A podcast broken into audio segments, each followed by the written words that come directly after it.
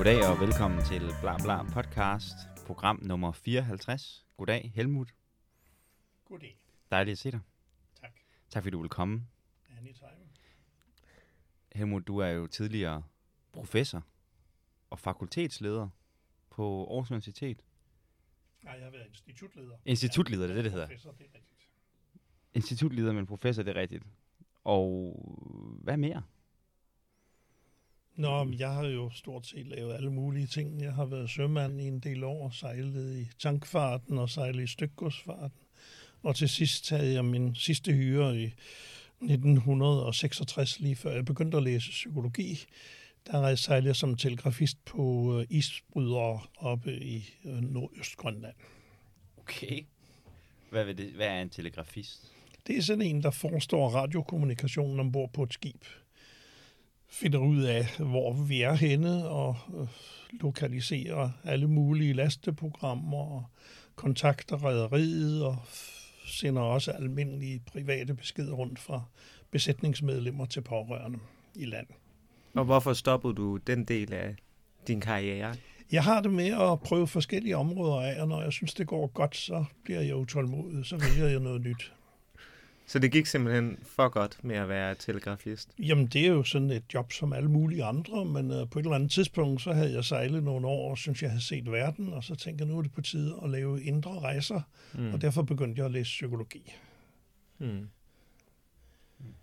Og hvor gammel, hvor gammel var du her? Ah, da jeg begyndte at læse psykologi, der var jeg vist 5-26 år. Okay. Men jeg måtte jo starte helt forfra, fordi jeg var gået ud af skolen som 14-årig uden nogen eksamen overhovedet. og så tog jeg ud og sejle og så på verden, og så skulle jeg jo starte med præliminær eksamen. Og så tog jeg øh, studentereksamen på kursus. Det var øh, gammelsproglig studentereksamen. Jeg synes, jeg vidste for lidt om græsk og latinsk kultur. Gør vi ikke alle det? det er nok rigtigt for de fleste, jo. Og så valgte jeg psykologi, og det var nok en fejl, men øh, det gjorde jeg så. Og der blev jeg så hængende et godt stykke tid. Men der kommer så et problem, da jeg opdagede, at biologi også var en vigtig faktor for forståelsen af menneskelig adfærd og udvikling.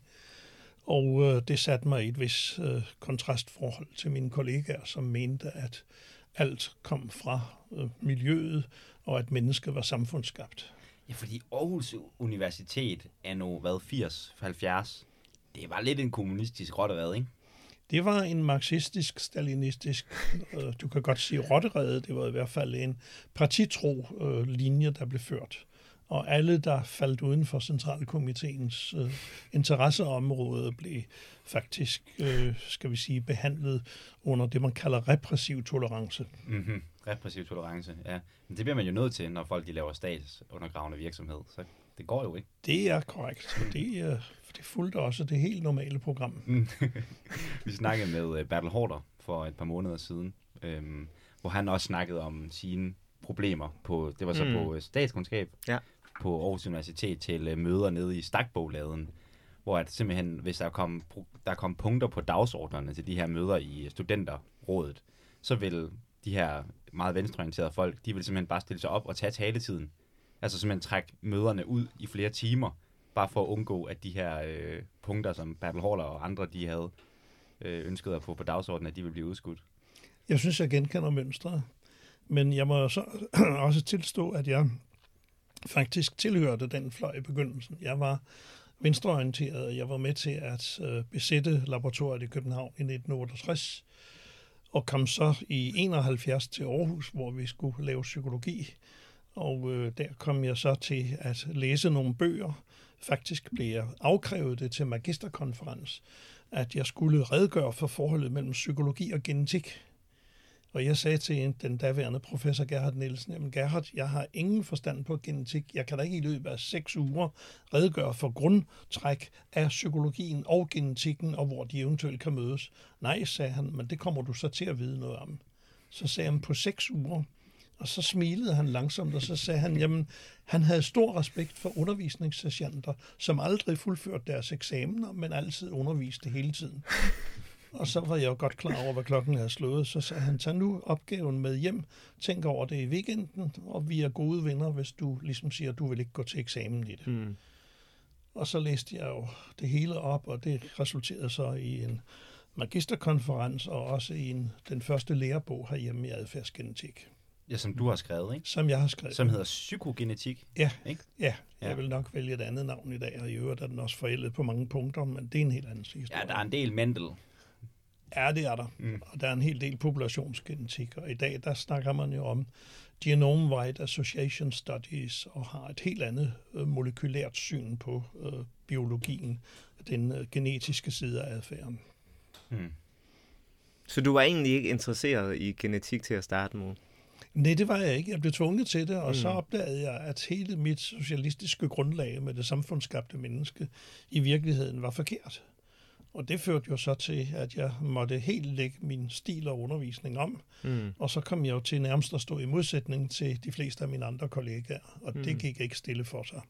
Hvad var det for nogle, hvis vi skal snakke sandhederne, du havde før, og så de sandheder, du følte? Sådan, hvis du skal riste det op i en slags punktform, eller hvad man kan sige, hvad var det, du stødte på, som du simpelthen ikke kunne kigge væk fra? Nå, men nu havde jeg jo arbejdet i arbejderklasseniveauer i, i mange år, og synes jo, at kapitalismen var noget fælt noget, og de folk, som udnyttede andre, de skulle skamme sig, og vi skulle være solidariske, og frihed og lighed og broderskab, alle den slags, skal vi sige, tomme floskler, det kan jeg se i dag, men det troede jeg på dengang.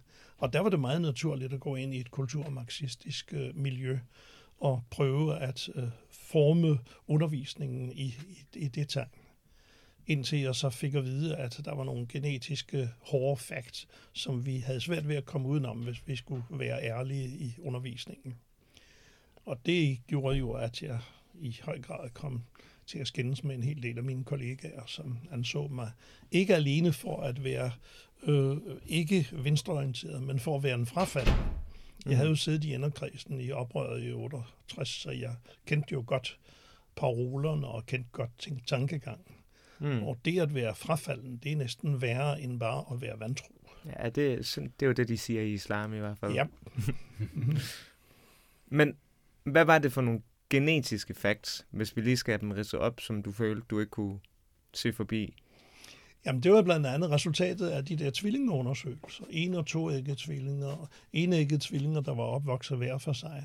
Adoptionsstudier og øh, studier, hvor man sammenlignede søskende, hvor man sammenlignede søskende med forældre og så videre, altså alle mulige familiedesigns.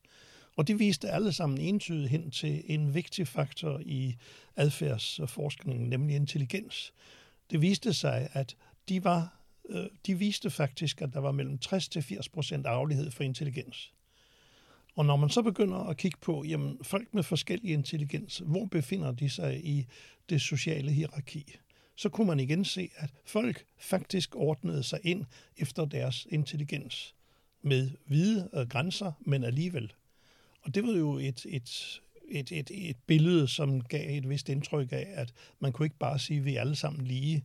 Og frihed, jamen frihed, var det frihed til at have en høj intelligens, og dermed få en lang uddannelse, og dermed få et stort hus på Strandvejen. Eller hvis man havde noget lavere intelligens, så var man tvunget til en, en tilværelse, hvor det ikke gav så mange penge, og hvor man heller ikke havde de samme samfundsgoder.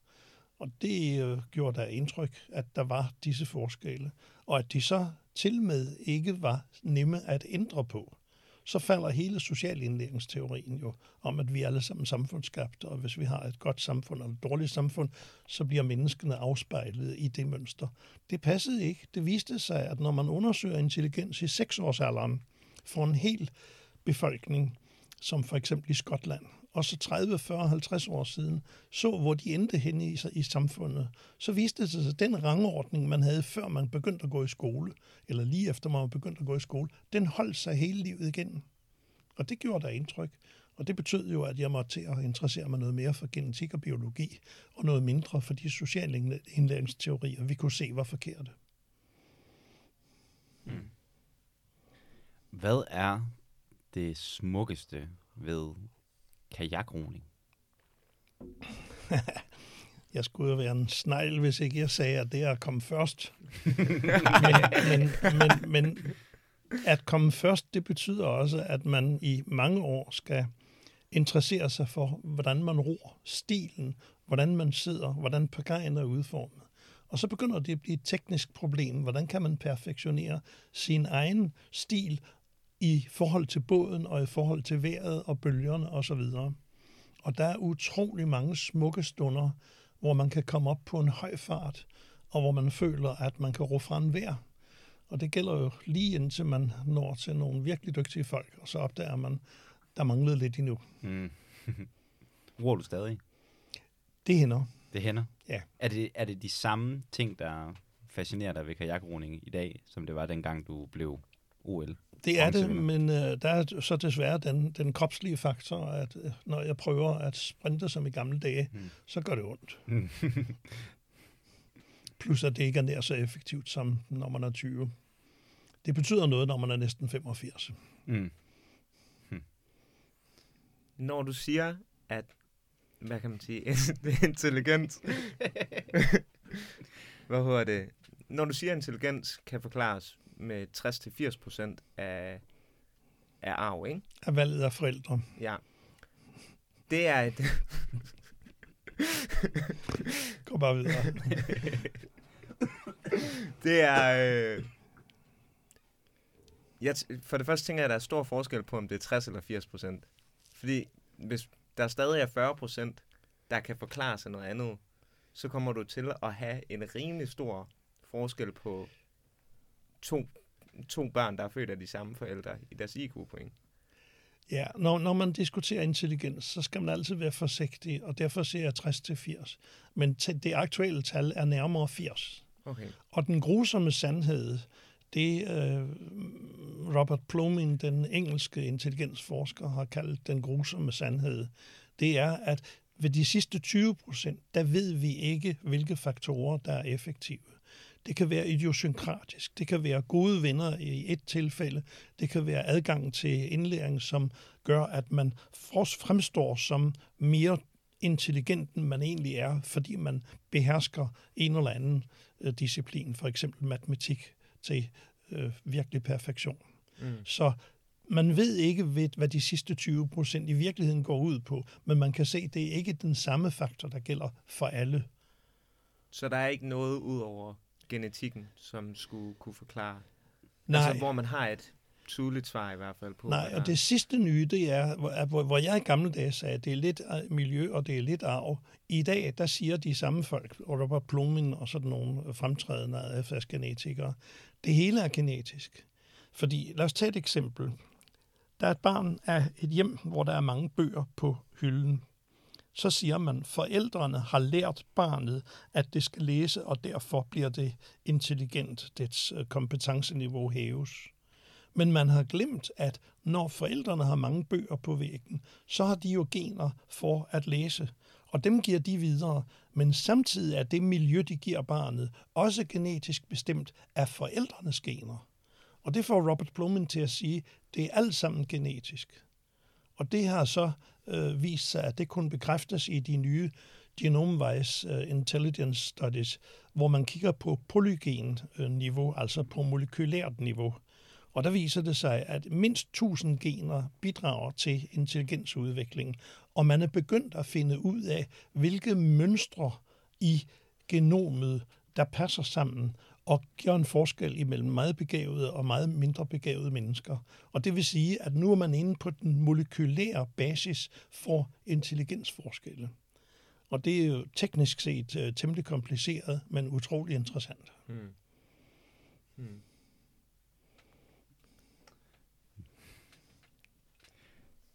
Er du en stedig rad? Det siger min kone.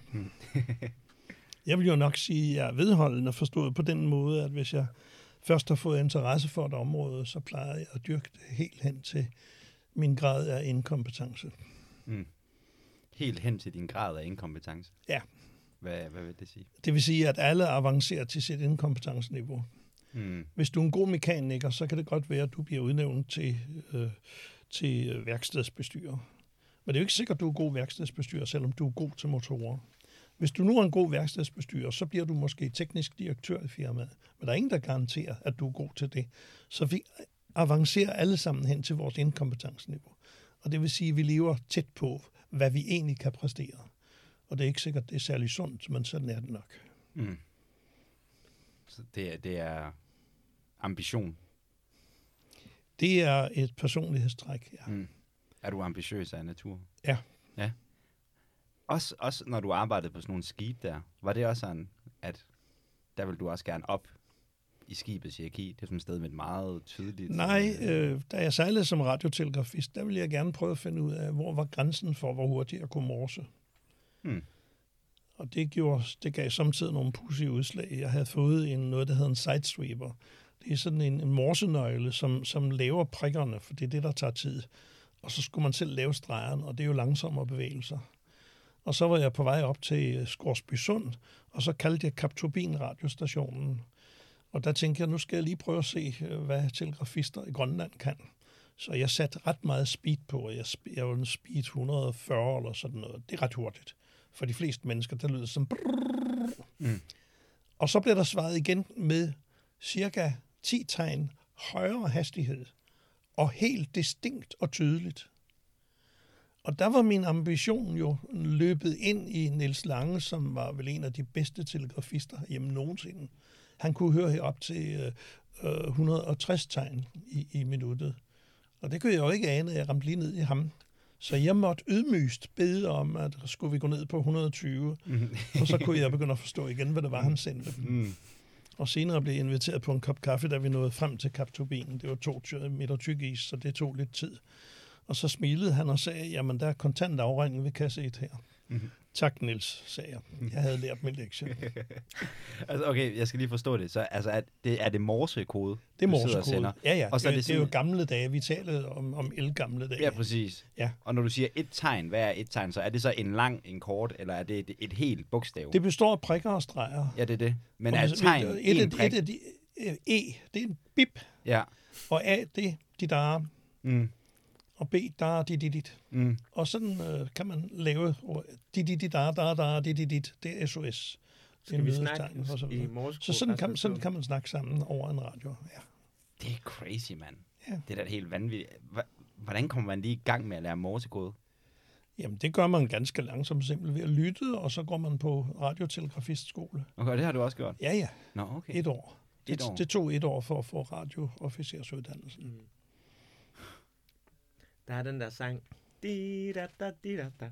Mm. Tror jeg, det er morskode af en Ja, det kan det ikke. Det kan være, de er inspireret af det. det ja, jeg ikke. inspireret af. Hvad Okay. hedder det?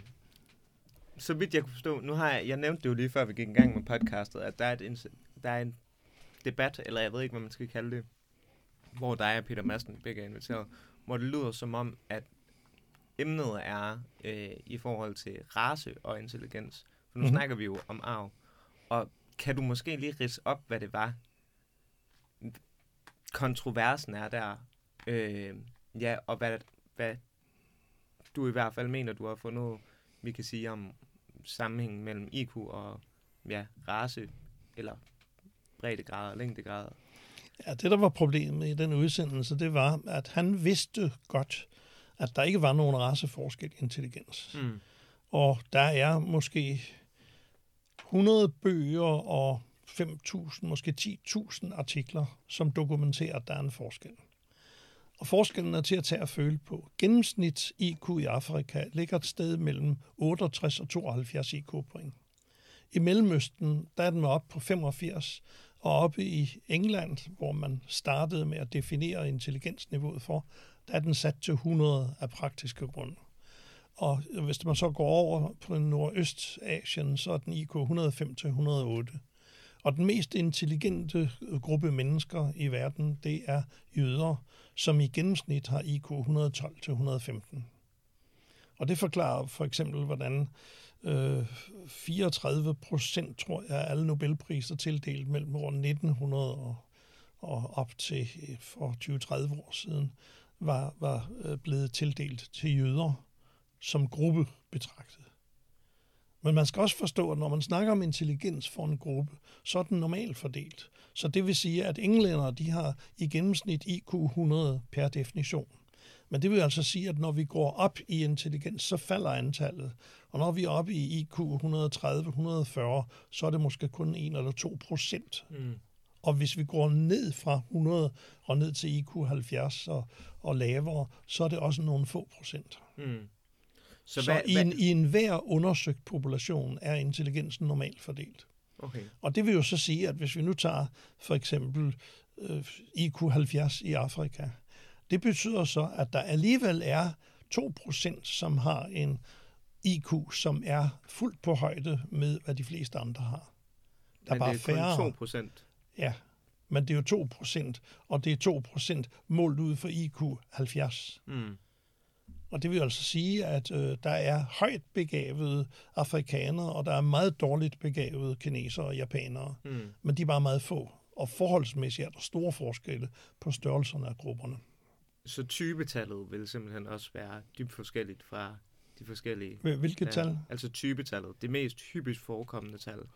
Ja, Den, altså normal eller gennemsnittet? Nej, for gennemsnittet er jo, hvor du ligesom lægger alle tallene sammen og tager ja. og dividerer det, ikke? Ja. Men så typetallet, det er, hvis vi tog herinde, og så havde jeg en IQ på 70, Asbjørn havde en på 90, og du havde en på 90, så vil typetallet være 90. Det er mest hyppigst forekommende tal for befolkningen. Ja, men normalt så, tager, så snakker man kun om gennemsnit og spredningen. Ja. Og jeg, jeg ved ikke, hvorfor der skal type ind over det. Det er for at sige, det hyppigst forekommende tal, altså det, som flest personer har, ja. det er i og for sig ligegyldigt, hvis nu, at der er, men hvis der er en normal fordeling, så må typetallet højst sandsynligt også være 70. Ja, være gennemsnittet jo. Ja. ja. I hvert fald cirka. Ja, det, det, det, det er mere eller mindre ligegyldigt. Ja, det er en lidt fremmed diskussion for mig. Ja. Jeg opererer kun med, med gennemsnit og spredninger. Mm. Men det er klart, så kan du jo begynde at sige, jamen så er der en type højt begavet og en type dårligt begavet ja. osv. Men den typologi synes jeg ikke er mm. så interessant. Men du siger det her, det er, det er noget, der er, det er en accepteret ting i forskermiljøet. I fagmiljøet, ja. ja. Ja.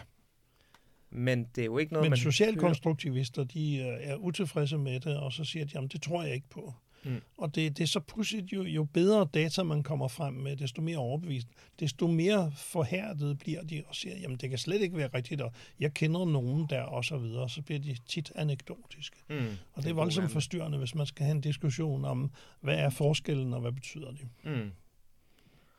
Hvad med, nu er jeg selv halv iraner og halv dansker, så hvad med, når vi begynder at blande breddegrader og længdegrader? Det er heldigvis så simpelt, at så får man et øh, middelgennemsnit. Okay. Øh, hvis en IQ 70 og IQ 100 folk øh, får børn, så får de gennemsnitligt lige nøjagtigt midten imellem deres høje og lave IQ. Mm.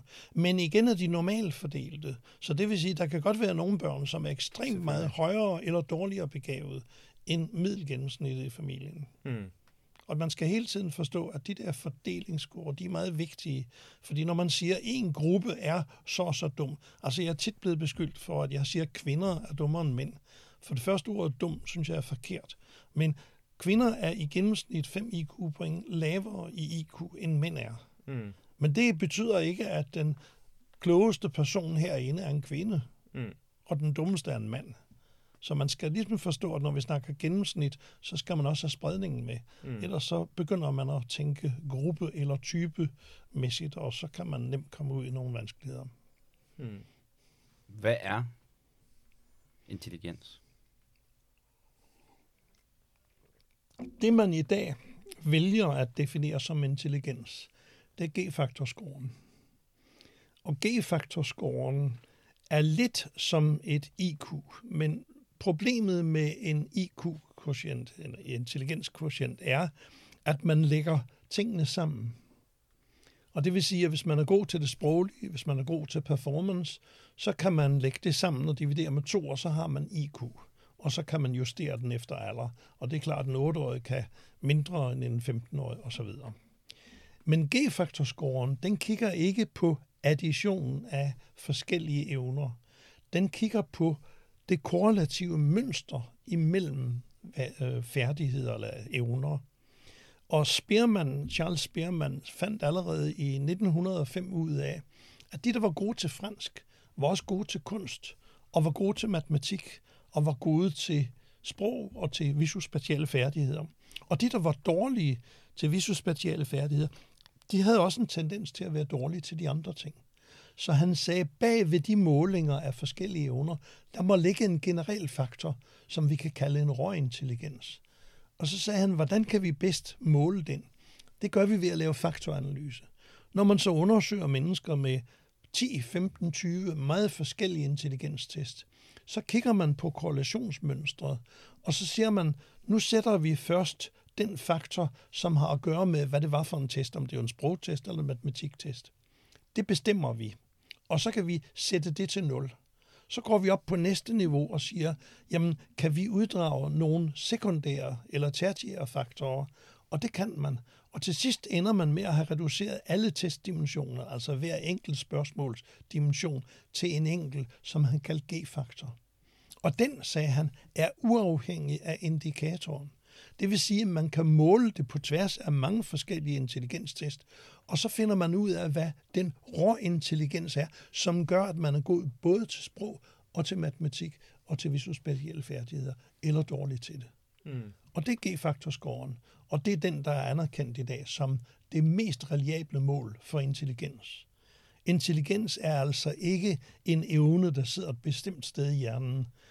Intelligens er evnen til at håndtere kompleksitet, uanset problemets karakter. Mm. Mm. Gav det nogen mening? Det giver, det giver god ja. mening. Okay. Evnen til at håndtere kompleksitet, lige meget hvordan det ser ud. Ja.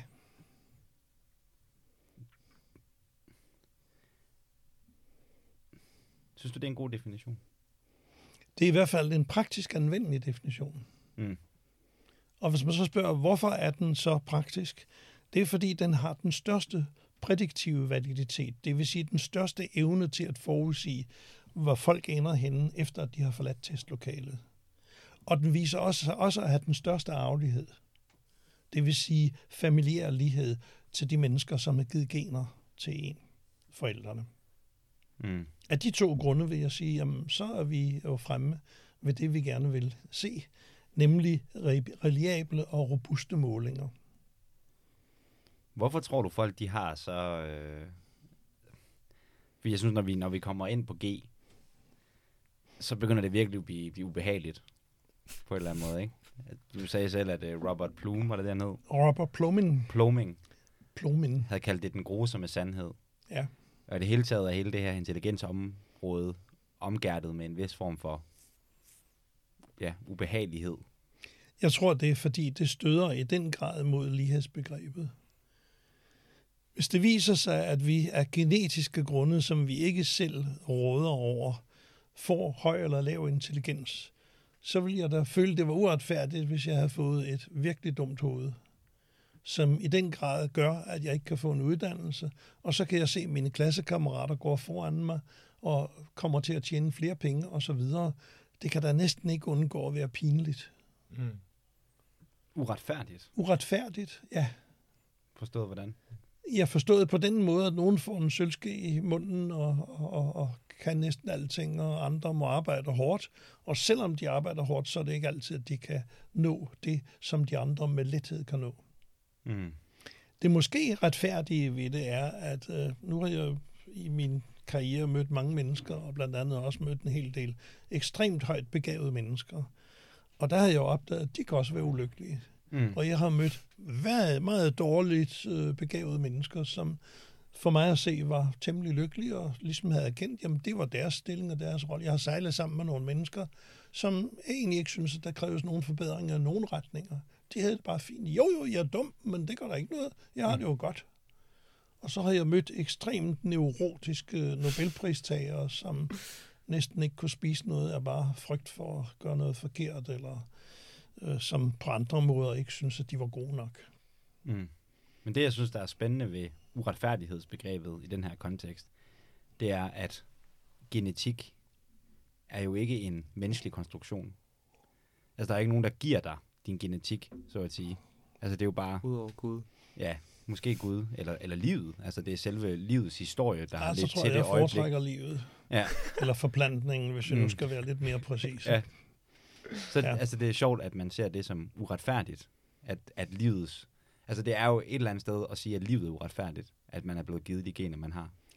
Ah, men hvis nu du ser en person, der bor i en stor villa og kører rundt i en Tesla, og så kan du se, at du kan ikke engang få den minimale uddannelse og må klare dig med kontanthjælp, så kan jeg godt se, at der er nogen, der vil føle det uretfærdigt.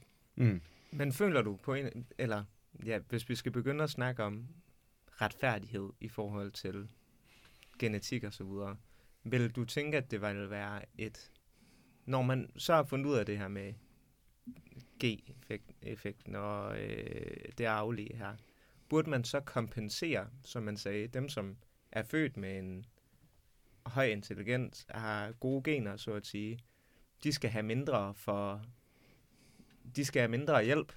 Eller, Det lyder som et moralfilosofisk problem, og jeg er ikke Ja, filosof, præcis. så det har jeg ikke nogen mening om. Nej, men man kan vel stadig Jeg prøver, godt jeg prøver at, at aftegne verden, som den ser ud. Hvad jeg, så sikkert. mener, hvad jeg så mener om den, det er en anden side af sagen, som ikke er særlig kvalificeret. Folk kan mene så meget om den samme ting, så det synes jeg ikke er en diskussion, vi skal gå længere ind i. Du mener ikke, man kan trække normative læresætninger ud af det område, du er i? Mm, jeg ved ikke, om det er en læresætning at sige, at der er forskel på folk øh, i intelligens, og det er i høj grad arveligt, og det betyder vældig meget for, hvor man ender hen i livet. Mm. Men nu Det, du det, for, det er jo en konstatering. Ja, det er jeg med på. Men nu kaldte du det for Så, eksempel... så kan man synes, det er synd eller sådan noget, men det er jo en anden diskussion, og den er Mm. så, den er så uh, ukvantificerbar, at den vil jeg ikke begive mig ind på. Okay. Så, så begrebet for eksempel uretfærdigt, det var ikke, altså det var ikke noget, du på den måde mener, det er reelt. Nej. Mm. Og det, okay, det er sjovt, den her adskillelse, fordi nu studerer jeg jo psykologi, og øh, jeg tror, der er mange, der kigger på psykologien som det sted, hvor at øh, videnskaben og moralfilosofien mødes. Det, men det, det mener du ikke, de to ting, de er... Nej, men der er jo, der er jo groft taget to forskellige slags psykologer. Der er, er dem, som mener, at man kan diskutere alt herunder moral, filosofi og retfærdighed. Og så er der dem, der siger, at jeg er den mere eksperimentel karakter, og jeg er mere for kvantitativ øh, psykologi. Og de kan som oftest ikke snakke sammen. Mm. Hvad for en, bare for at være sikker, hvad for en lejr er du i? Jeg er den kvantitative lejr. Til mål og vej eller hold bøtte. Ja, til vej eller mål, det var dit øh, slogan. Det er det stadigvæk. Og det er det stadigvæk. Men hvad skal vi bruge det deskriptive til, hvis vi ikke begynder at blive normative? Altså, Hvis, hvis vi for eksempel vil bare- indrette en skole, så skal vi jo finde ud af, hvad er det for nogle elever, vi har, hvad er deres begavelsesniveau. Mhm. Og hele pædagogikken skal jo føje sig ind efter, hvad eleven, så at sige, kan kapere. Ja, Men nu så... bruger, så det er føje. Nu bruger du ordet føje. Ja. Ikke? Det er jo et normativt Ja, begreb. præcis. Altså, hvis du så siger, jamen det er den pædagogiske øh, indsats. Hvis du for eksempel hælder kvantemekanik ned på en 70 IQ-person, så er det jo spildt. Så om det er normativt eller ej, det fører i hvert fald ikke frem til det ønskede resultat. Men Ja. vil du der ikke sige, at man så kun skulle servere kvantemekanikken til dem med den højeste intelligens? Jamen, du skal jo lave undervisningen sådan, at de elever, der følger den, får noget ud af den. Mm. Og man kan sådan set sammenligne øh, elevers forskellighed med, med bøtter af forskellige størrelser. Hvis du har en lille bøtte med IQ 70, så kan du hælde noget viden på. Hvis du hælder mere viden på, så når man det, der kaldes diminishing return, så flyder det over, og barnet kan ikke forstå det, og til sidst bliver barnet ked af det, fordi vedkommende er godt klar over, at der er et problem. Hvis du har IQ 130, så kan du næsten fylde hvad som helst i den store bøtte, han har. Og til med så bliver han hjulpet af, at han så også har den analytiske kapacitet til, at han kan organisere og sortere og udvælge. Og så kan man sige, at det er uretfærdigt. Ja, men det ændrer ikke noget ved den kendskærning, at pædagogikken skal afpasses efter det, barnet kan. Men der, der ligger jo stadig et valg, for du kan, du kan jo godt sige, at jeg er egentlig ligeglad med, hvordan, hvad vi finder i forhold Jamen, til hvad, hvad, genetik. hvad kan du vælge? Du kan ikke vælge bærets størrelse. Har du IQ kan ikke 70, vælge så har du IQ størrelse. 70. Du kan heller ikke vælge pædagogikken, fordi visse former for pædagogik vil prelle af på et IQ 70 barn. Så hvad, hvad kan man vælge der? Der må man jo sørge for, at pædagogikken er sådan indrettet, at den har en nyttevirkning. Det vil sige, at barnet kan følge med og kan forstå og kan vokse og gro og udvikle sig osv. Og hvis du har for højt et undervisningsniveau, så, så spilder du jo lærerens tid, og du spiller barnets tid, og barnet bliver formentlig ked af det. Og det har ikke noget med normativt eller med retfærdighed eller uretfærdighed. Sådan er tilværelsen indrettet. Mm. Så, så, Og du, du kan nemt efterprøve det, fordi hvis du giver avanceret uddannelse til, til folk, der ikke kan følge med, så bliver alle jo ked af det. Mm. øhm, det var interessant, det du sagde der. Hvordan, hvordan er tilværelsen indrettet? Tilværelsen, den er indrettet på den måde, at hvis du er snedig, så kan du få nogle tal for, hvordan den er indrettet, og dem kan du så bruge. Hmm. Følelser og normative begreber og kantianske kategorier og sådan noget, det er sådan noget, man kan morde sig med i fritiden. Mm. Hvordan, hvordan skal man bruge de tal, siger du? Dem skal man bruge for eksempel til at indrette en god skoleundervisning, som passer til eleverne. Mm. Universitetsundervisning, som passer til de studerende. Bruttonationalproduktet, som passer til produktiviteten. Og produktiviteten er så igen en funktion af intelligens. Og nogle andre ting. Mm. Okay, ja. Så, så, så der er nogle objektive mål, som vi kan bruge, nogle andre objektive mål til at optimere. Ja, nu er jeg ikke positivist. Jeg tror, den sidste positivist døde omkring 1909. Mm. Men jeg, jeg mener, at man skal ikke glorificere subjektiviteten. Det vil sige, at man skal prøve at reducere øh, støjen og, og øh, finde frem til reliable målinger. Mm. Men, hvad hedder det, reliable målinger. Jeg kunne for eksempel lave en meget reliab, reliabel måling af øh, antallet af atomer i det her lokale. Men når Du kan vi, godt lide store tal. Ja, det er bestemt. Og for at blive i de store tals verden, så kunne jeg jo også finde en reliabel måling for, hvordan intelligens og bruttonationalt produkt hænger sammen. Det er en lille teaser. Det har gjort. Mm. A, altså, jeg mener bare, i forhold til hvad? Altså, der kommer vel et valg ind der. Når du siger, altså du ved, der er vel ikke, der, er vel, der ligger vel ikke noget givet i, hvad for et mål, der hænger sammen med hvilket mål. Du må bruge et eller andet standard til at vurdere, om et mål er værdigt at forfølge. Det er korrekt. Og det er den standard, jeg lurer på. Men Hvad hvis du for en- snakker om bruttonationalproduktet, Ja. ja. så falder det øh, næsten monotont, når vi går oppe fra Nordeuropa og ned mod ekvator. Og samtidig falder intelligensen. Og så er det jo fristende at prøve at sige, at det er på grund af for lav intelligens, at folk nede i de varme lande ikke er så produktive, at de har så højt et bruttonationalprodukt. Det er jo en hypotese, og den kan man så prøve, efterprøve, og så viser det sig, at den holder med en forklaringsværdi på måske 40-50 procent.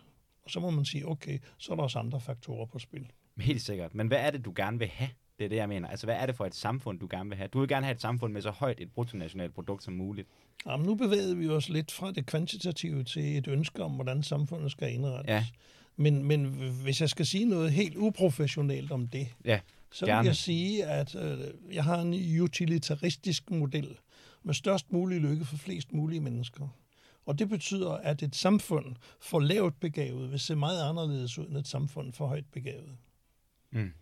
Men vi har inden for enhver population en normal fordeling, og det vil sige, at vi har nogle mennesker med høj og med lav intelligens, som skal lære at snakke sammen. Men du har lige Og sagt... som u- utilitarist, så vil jeg sige, jamen, så skal vi jo prøve at formidle kommunikationen så godt, som vi kan. Fuldstændig. Men du har lige sagt, at for dig at se i din verdenshistorie, i din livshistorie, der har du oplevet intelligens og lykke som fuldstændig uafhængige størrelser. Du har mødt no- neurotiske Nobelprismodtagere og glade, øh, retarderede sømænd.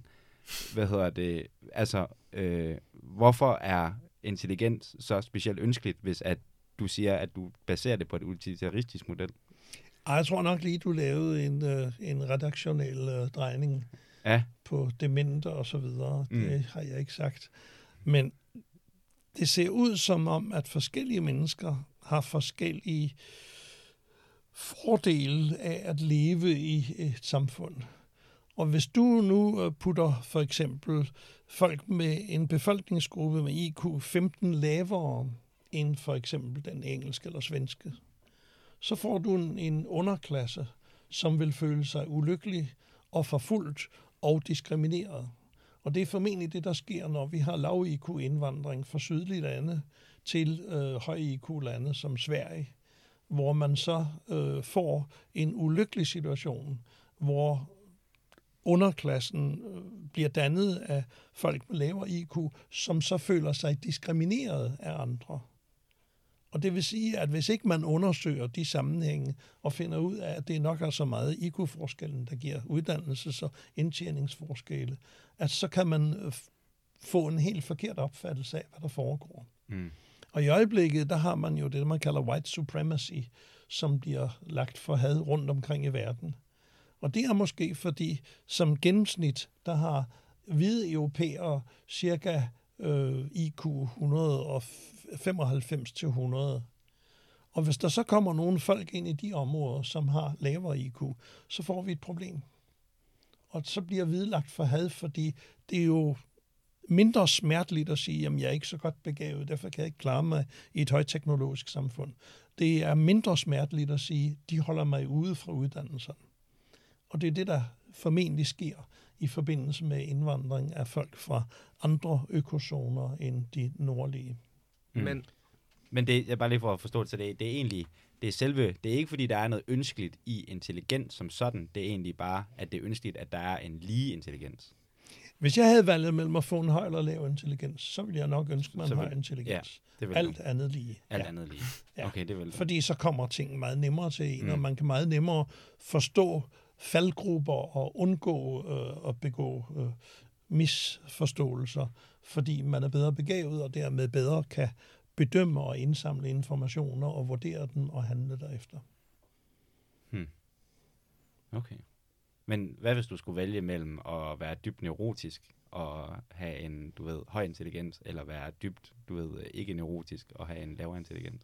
Ah, det kommer an på, hvor neurotisk, fordi en, en, en vis obsession kan være godt for at forfølge et område, men det skal helst ikke blive så meget, så det ødelægger øh, muligheden for at fungere. Mm. Men der er et trade-off der alligevel, så der er nogle grænser der. Jeg synes, at jeg tror, jeg har midten til 15 Nobelpristager, og en af de ting, der er fælles for dem, det er, det småneurotiske folk, som er næsten sygeligt optaget af deres emner. Mm. Men det er så til gengæld på bekostning af familie og på bekostning af, af venskaber og så videre. Der er undtagelser, men jeg synes, at mange af dem, af, de der ekstremt højt begavede folk, jeg har mødt, de, er- de er kun interesseret i en enkelt eller få ting. hvad for en lejr føler du, du selv hører til? Ah, jeg er i en mere beskeden lejr, så jeg, jeg kan bare gå rundt om ord. Jeg, jeg føler mig ikke så obsessiv, kompulsiv, neurotisk, at det gør noget. det er lidt. De flygtninge og emigranter, der kommer til Danmark, i hvert fald hvis man følger øh, grunden til, at man vil lave et øh, hvad hedder det, udrejsecenter i øh, Rwanda, som jeg tror er det sidste, der har været på tale, er jo tanken om, at de emigranter, der kommer til Danmark, er dem med ressourcer, de ressourcestærke, det er dem, der klarer den lange rejse.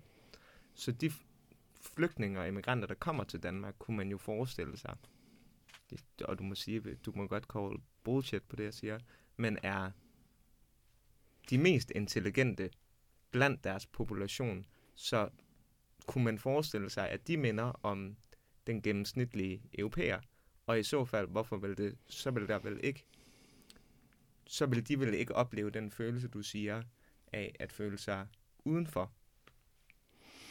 Helt tilbage i 2012, der lavede jeg en undersøgelse af gennemsnitsintelligensen for indvandrere. Den var IQ 86.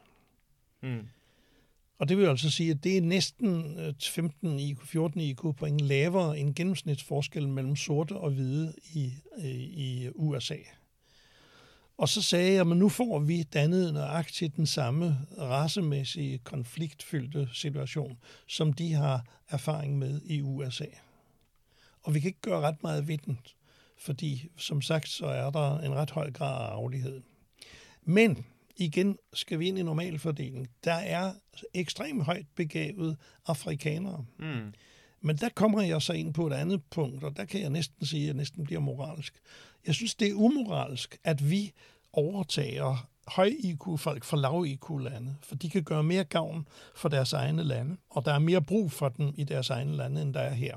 Mm. Så når dansk industri siger, at vi vil gerne have nogle astrofysikere fra Afrika, så synes jeg, det er umoralsk. Mm. Fordi det er egoistisk. Vi øh, behøver dem ikke, eller måske muligvis behøver vi dem, men det koster noget. Det er jo det, man kalder brain drain, Mm. og det synes jeg ikke, at man kan tillade sig. Men omvendt, så synes jeg heller ikke, at vi skal have indvandring fra lav IQ-lande, fordi de vil komme til automatisk at føle sig som en underklasse her. Med nogle få undtagelser. Mm. Og så ser vi jo igen, at hvis vi så får indvandring fra Nordøstasien, fra Kina, Japan, Vietnam osv., det er så vanligvis folk, der kan indpasse sig nogenlunde godt Mm. i det danske samfund. Men igen, der er vel også brug for dem derovre. Og nu ved jeg ikke, nogle steder der er det lav IQ-migration, andre steder er det høj IQ-migration. Begavede folk, de vil jo så vanligvis søge hen til steder, hvor de selv kan, kan udfolde deres talenter og komme på universitetet og bidrage med teknologiudvikling osv. Men jeg synes, at migrationen er en ufskik, fordi den berøver ulande for værdifuld øh, hjernekraft, og den beriger ikke os. Mm. Hvad hvis vi gjorde det omvendt? Sendte en masse europæere ned til Jamen, det har vi jo gjort igennem kolonitiden, mm. Mm. og det viste sig jo, at så for eksempel, hvis du tager Sydafrika, så fik vi jo øh, bedre styr på øh, lovværket, vi fik hospitaler, vi fik læger uddannet osv., men så udviklede det sig jo igen til apartheid, Mm. som jo er en meget ubehagelig øh, ting. Så det var heller ikke lykkeligt. Og da vi så tog hjem øh, fra forskellige kolonialiserede områder, så siger man bagefter, ja, og vi uddannede dem ikke engang, da vi tog hjem, så derfor har de en ulykkelig situation i dag. Hvor sandheden formentlig er, at de ville ikke kunne have blevet uddannet, fordi deres gennemsnitsintelligens var for lav. Mm. Så det er ikke white supremacy og øh, kolonitiden, som skal repareres af hvide. Det er simpelthen, og hvis vi tager Sydafrika igen, Mandela er vores held, øh, fordi han var frihedselskende osv., men da hans folk tog over, så degraderede Sydafrika jo igen til en failed state. Mm. Men, men det, det, det er jo ting, som er voldsomt kontroversielle, og alle lighedselskende folk, de bliver voldsomt øh, moralsk farvet over Mm. mm. sådan nogle udsagn. Men øh, så må de jo komme med nogle bedre tabeller og data. Mm. Altså, jeg tror også noget, der kan være med til at forklare, hvorfor der er så mange failed states i Afrika, er fordi, at nogle europæere efter Første Verdenskrig på, jeg tror, hed det ikke Malta-konferencen, de trak de nye grænser fra Mm. Afrika, efter de havde forladt det, og dermed skabte nationer med stammer, som på ingen måde havde nogen kulturelle tilhørsforhold med hinanden, der er og tvang dem til at bo sammen. Og altså i øvrigt, så er kolonitiden jo på den måde jo ikke slut. Altså, de europæiske stater har jo stadigvæk kæmpe indflydelse på Afrika, mm. og altså et land som Frankrig for eksempel, holder jo godt fast og holder tag om for eksempel et land som Malis økonomi og så videre og så videre, og altså i bytte for økonomisk og politisk, nej ikke økonomisk, men politisk magt i landet. Mm. Ja, der er helt givet foretaget mange uheldige ting under kolonitiden, men det ændrer ikke noget som helst ved, at hvis du har en, en befolkning med gennemsnits IQ på 70, så gør det ikke stort fra dig til, om du er der eller ej. Så Hvor længe tror du gennemsnits IQ'en har været over 100 i øh, Danmark? Øh, den er nede på 97,2 eller sådan noget i øjeblikket. Mm. og stadig faldende. Og stadig faldende? Ja. Men, Og det skyldes flere ting. Det skyldes blandt andet indvandring, men fordi indvandring forholdsmæssigt endnu ikke er så omfangsrig, så betyder det ikke så forfærdeligt meget.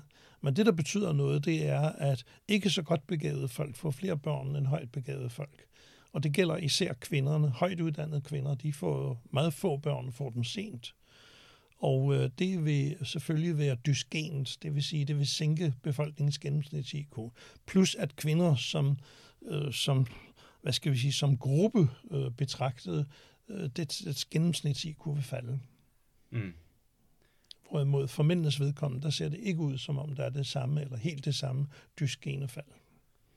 Så forskellen mellem mænd og kvinder vil blive større øh, over tid, hvis det fortsætter. Og vi er jo nede på en fertilitet på 1,67 eller sådan noget, hvor vi skulle være op på 2,05 for bare at holde skansen. Og det gælder for næsten samtlige øh, hvide øh, lande i USA og, og Sverige og andre steder, at hvide som antal forsvinder dag for dag. Ja, jeg mener, det var i 2019, der var det første år, hvor der døde flere Mm. mm. europæiske kristne, end der blev født. Det vil jeg gerne tro. Damn, Så- dude. Det ser ikke, det ser ikke så godt Prøv, ud. du virker til at være en person, der har super meget humor, og du virker til at være en person, der er i højt humør og alt det her, ikke?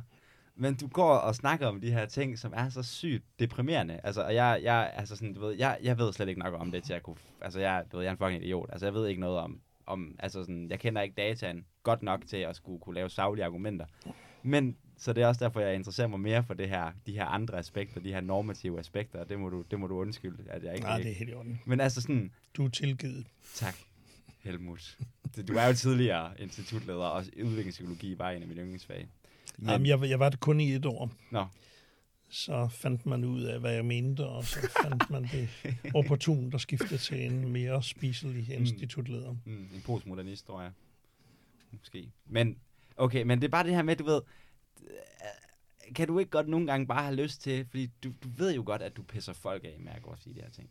Og du ved godt, at du er kontroversiel, og det er sådan et ord, der bliver misbrugt sygt meget til at få folk til at fremstå mindre, mere kontroversielle og mere svære at røre ved og snakke med, end de i virkeligheden er. Men i dit tilfælde, der er du, du er sgu kontroversiel, altså. Det må jeg benægte. Det benægter du. Du, er ikke, du synes ikke, du er kontroversiel. Jeg ser mig selv som faktuel. Det, Provokationen ligger i, at fakta provokerer folk. Mm. Så provokationen ligger et andet sted end hos mig. Jamen det, og det er også rigtigt. Men det er alligevel, du er jo alligevel et talerør for den her fakta. Nej, jeg er en talerør for nogle øh, data, som nogle mennesker mener er ubehagelige. Men du laver jo selv undersøgelserne. Det jeg mener, har du ikke nogen gange lyst til bare at sige, fuck det, lad mig undersøge, du ved, øh, Turner-syndrom igen? Nej, det er Turner-syndrom er jo et meget interessant, men det er en anden side af sagen. Ja. Nej, jeg, jeg synes, at samfundet fortjener, at forskerne er sandru over for deres datamateriale.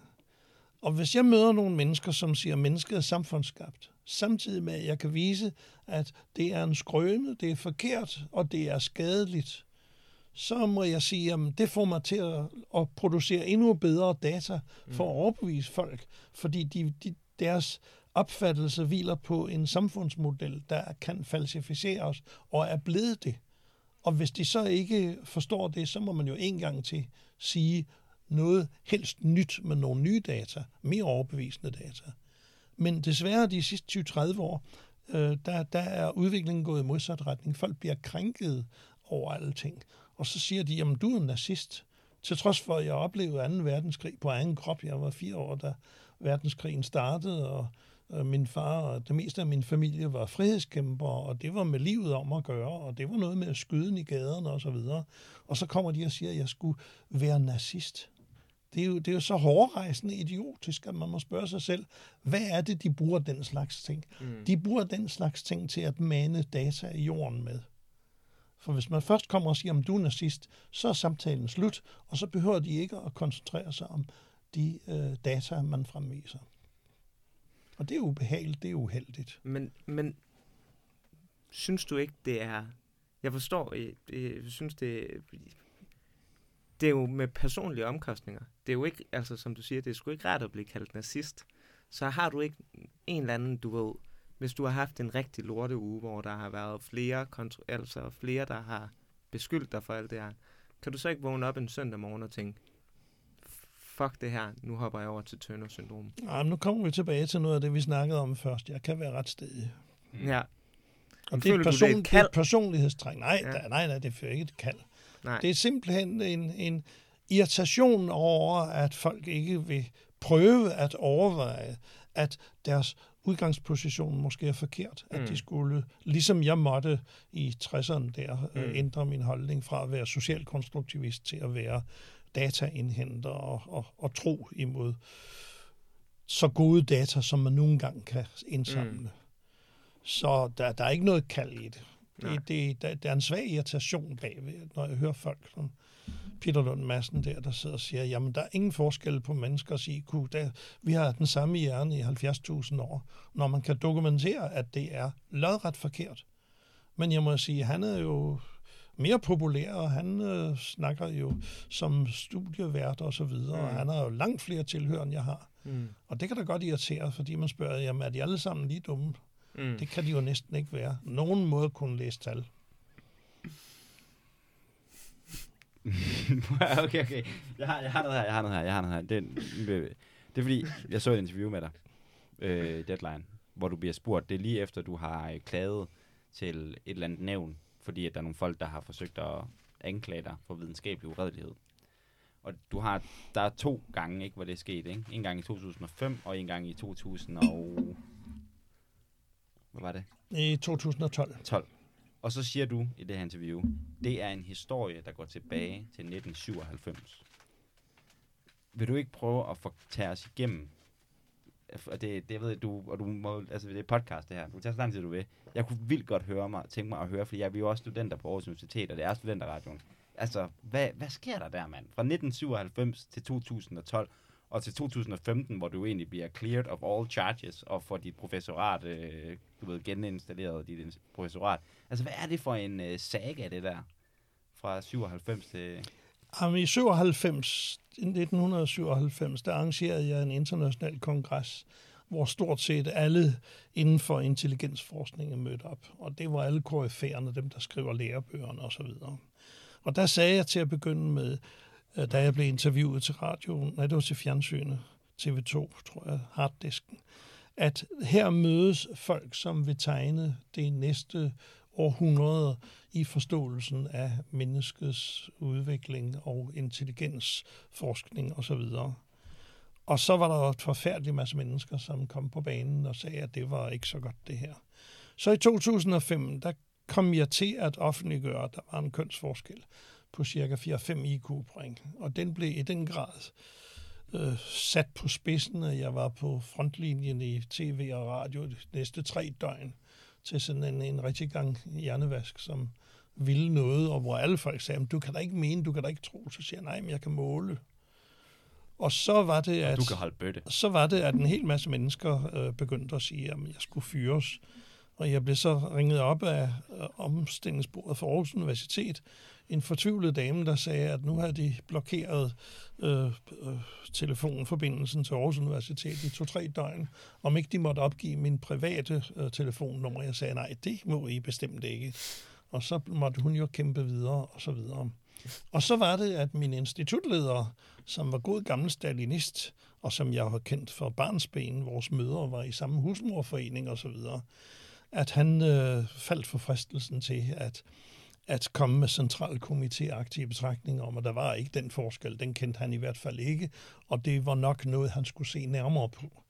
Og så blev jeg jo indklaget for øh, udvalget vedrørende uredelig forskning, og de kom så tilbage efter lang tid og sagde, at der var ikke noget uredeligt, men øh, det var nok det var nok trist, og øh, så måtte Aarhus Universitet, der så havde afskedet mig, eller fritstillet mig, øh, i, i, i, i mellem, den mellemliggende side, så måtte de jo øh, kalde mig tilbage igen. Og så sad jeg i seks måneder på et tomt kontor. Jeg fik ikke mit gamle kontor tilbage.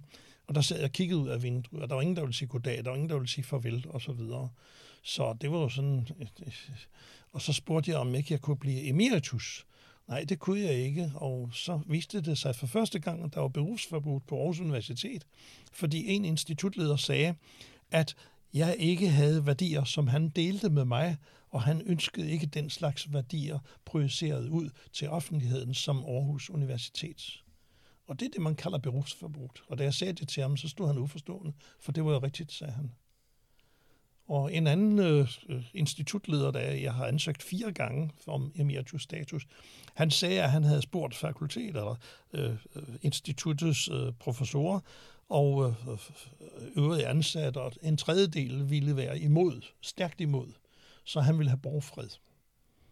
Og det er jo sådan nogle overvejelser, man spørger sig selv, er det et videnskabeligt institut mm. værdigt? Så da jeg øh, skrev den der artikel, The Cave Western Civilization i 2012, så faldt himlen jo ned en gang til, og de ville have trukket min artikel tilbage, og jeg sagde, på ingen måde, I skal ikke trække noget som helst tilbage. Og så var det, jeg måtte helt op til øh, Vesterlandsret, og måtte så vinde sagen, men øh, sagen er jo stadigvæk i dag, at det mener de stadigvæk, at den skulle trækkes tilbage. Og de er jo, sidder jo som emeritas, eller emeriti, på universiteterne, og jeg kan stadigvæk ikke komme ind. Så Aarhus Universitet straffer mig stadigvæk. Så jeg må selv sidde og finansiere mine statistikprogrammer og mine litteratursøgninger osv. Så, så det er en situation, der ikke er så behagelig for Aarhus Universitet. Og Københavns Universitet har jo ikke har mildest talt heller ikke behandlet sagen særlig øh, venligt. Så jeg vil sige, at på det adfærdsgenetiske område, der er Aarhus og Københavns og Aalborgs universiteter nærmest bananrepublikker. Så kan det være, at du skal blive ansat ved RUK. Jeg tror, det er endnu værre. Der er nok flere socialkonstruktivister der end på noget andet universitet herhjemme. Så jeg må nok sige, at min holdning til universiteternes objektivitet og sandhedssøgning er nok lidt negativ. Mm. Men hvem er det, da du, da du øh, organiserer den her konference i 97? Hva- Hvem, hvis uh, Who Did You Rub the Wrong Way der? Hvem er det, der blev pisset af over, at du gjorde det? Jamen, vi var til et lærermøde øh, nogle måneder før, og der blev stillet forslag om, at øh, de to-tre dage, hvor vi skulle diskutere instituttets trivsel og så videre, at øh, de skulle erstattes af en diskussion af, om ikke jeg skulle disinvitere nævnte forskere. Det var blandt andet Hans Eysenck fra London og Arthur Jensen fra Berkeley Universitetet og så videre.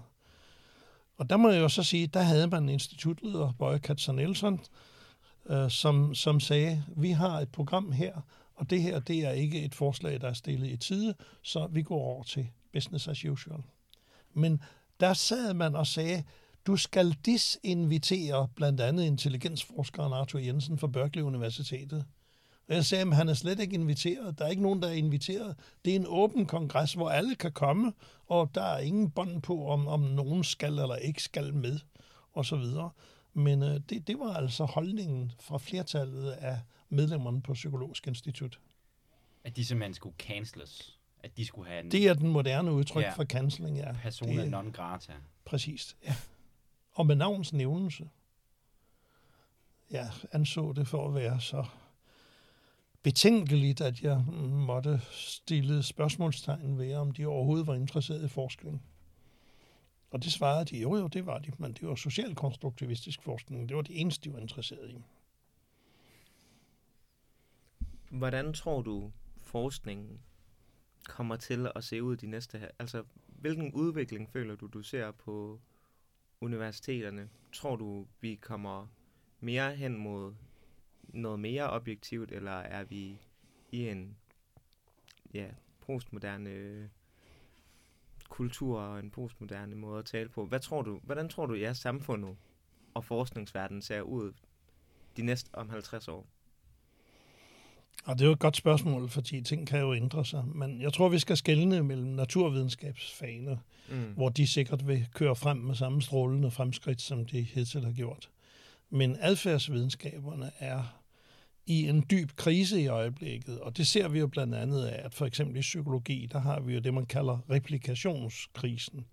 Det vil sige, at de der interessante øh, tekstbogseksempler kan ikke gentages med samme resultat. Og det vil altså sige, at de er bygget på alt for spinkelt grundlag. Hvad kunne det være for nogle fund, der ikke kan replikeres? Øh, Det kunne for eksempel være Rosenthal-effekten.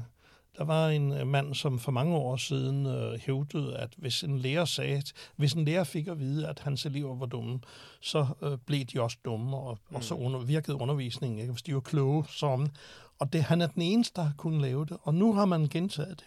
Jeg ved ikke, hvor mange gange, og ikke nogen gange har man kunnet bekræfte det. Men alligevel hører man folk med hellig stemme fremsige, jamen Rosenthal-effekten, og det er, jo, det er jo det syn, man har på børnene, der bestemmer, hvor meget de kan lære. Der er intet som helst evidens, der taler for det, og alligevel fortsætter man med det. Og det er en replikationskrise. Så er der hele ideen om det samfundsskabte menneske, hvor vi i dag kan se, at samfundet er ikke skabt, eller samfundet skaber ikke mennesker. Det er samfundet, der bliver skabt af mennesker. Og har du meget begavede populationer, så kan du efterhånden udvikle meget sofistikerede civilisationsformer, som ikke kan udvikles i samfund eller nationer, hvor intelligensen er meget under IQ 90 i gennemsnit. Mm.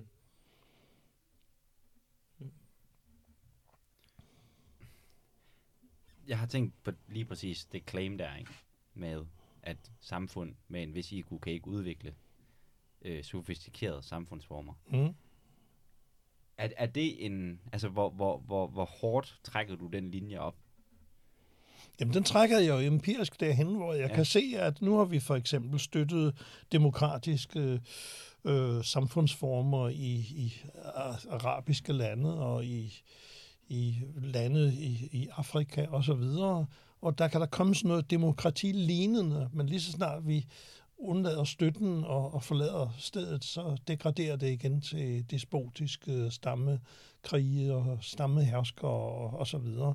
Så jeg synes, at vi kan se det, det, demonstrationen for øjnene. Lande med IQ under 90 ser ikke ud til at kunne etablere eller vedligeholde demokrati. Og det, altså, er det, det, det er simpelthen det cut-off? Det er 90? Nej, det er, det, ikke, det, altså, det er ikke det, lige ved 90, det, den, fordi det demokrati, det, det er jo heller ikke en fast defineret ting. Mm. Så der kan være mere eller mindre, flere eller mindre rudimenter af demokrati, også i, i landet med, med lav IQ. Men øh, du kan jo se, øh, kig, kig dig omkring og så se, øh, hvis du nu måler oppe fra Nordeuropa og så ned til ekvator, så falder IQ'en, og så falder også øh, demokratigraden. Men det, det er ikke en cut-off ting ved 90, men det er omkring IQ 90, der begynder det at blive svært at opretholde en civiliseret samfundsform. Mm. Men det er så sandelig også svært i lande med over IQ 90. Det er sådan ja, det, ja, det er det, men er gennemgående, hvis du kigger for eksempel på det teknologiske output, hvis du kigger på humanismen, hvis du kigger på villigheden til at give støtte til andre lande osv. Alle de parametre, de stiger jo længere du kommer op nordpå. Men altså, er det en...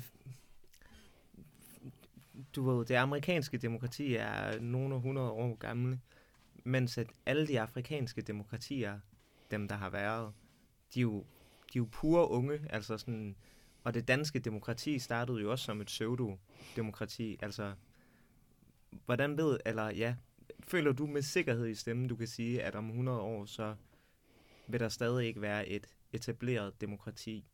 Et vaskeægte demokrati? Nej, men nu, nu, nu snakker vi om målinger før, og så snakker vi om projektioner, og projektioner, de er jo langt mindre sikre. Bestemt. De er jo kun så gode, som input-data er. Og derfor kan jeg ikke sidde og sige, at, at der ikke vil være demokrati Nej. i Afrika om 100 år. Det, det er et alt for hypotetisk mm. spørgsmål.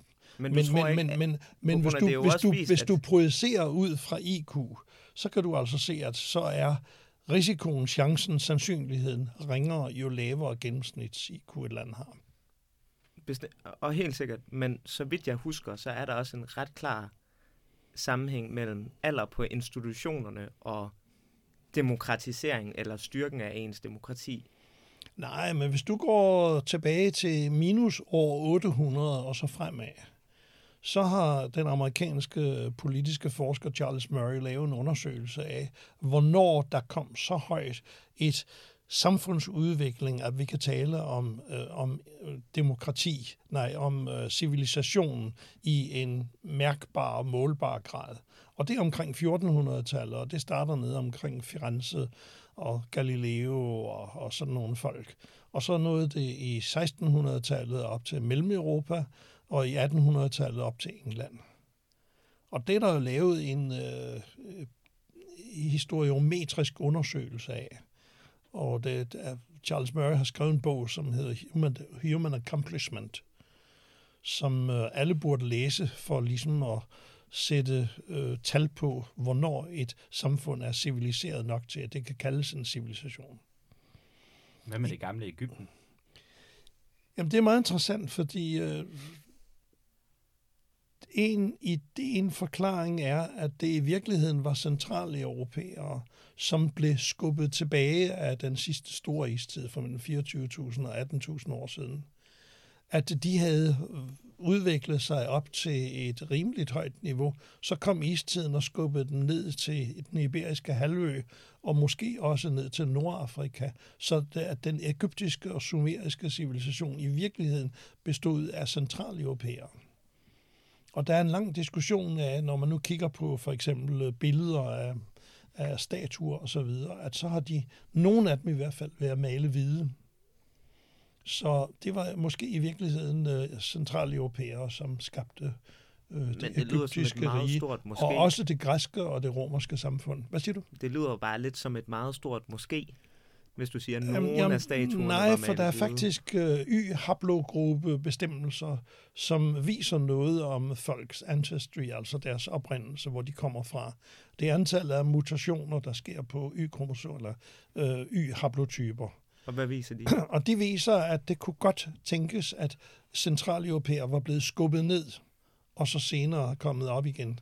Øh, Men der kommer ligesom nogle moderatorer på dit udsagn der. Ja, det kunne jamen godt tænkes. altså, det er jo ikke noget, man øh, kan afgøre med stor sikkerhed. Nej. Men der er visse tegn på haplotype mutationsfrekvenser, der antyder, at det godt kunne være tilfældet. Og er der tegn på det andet?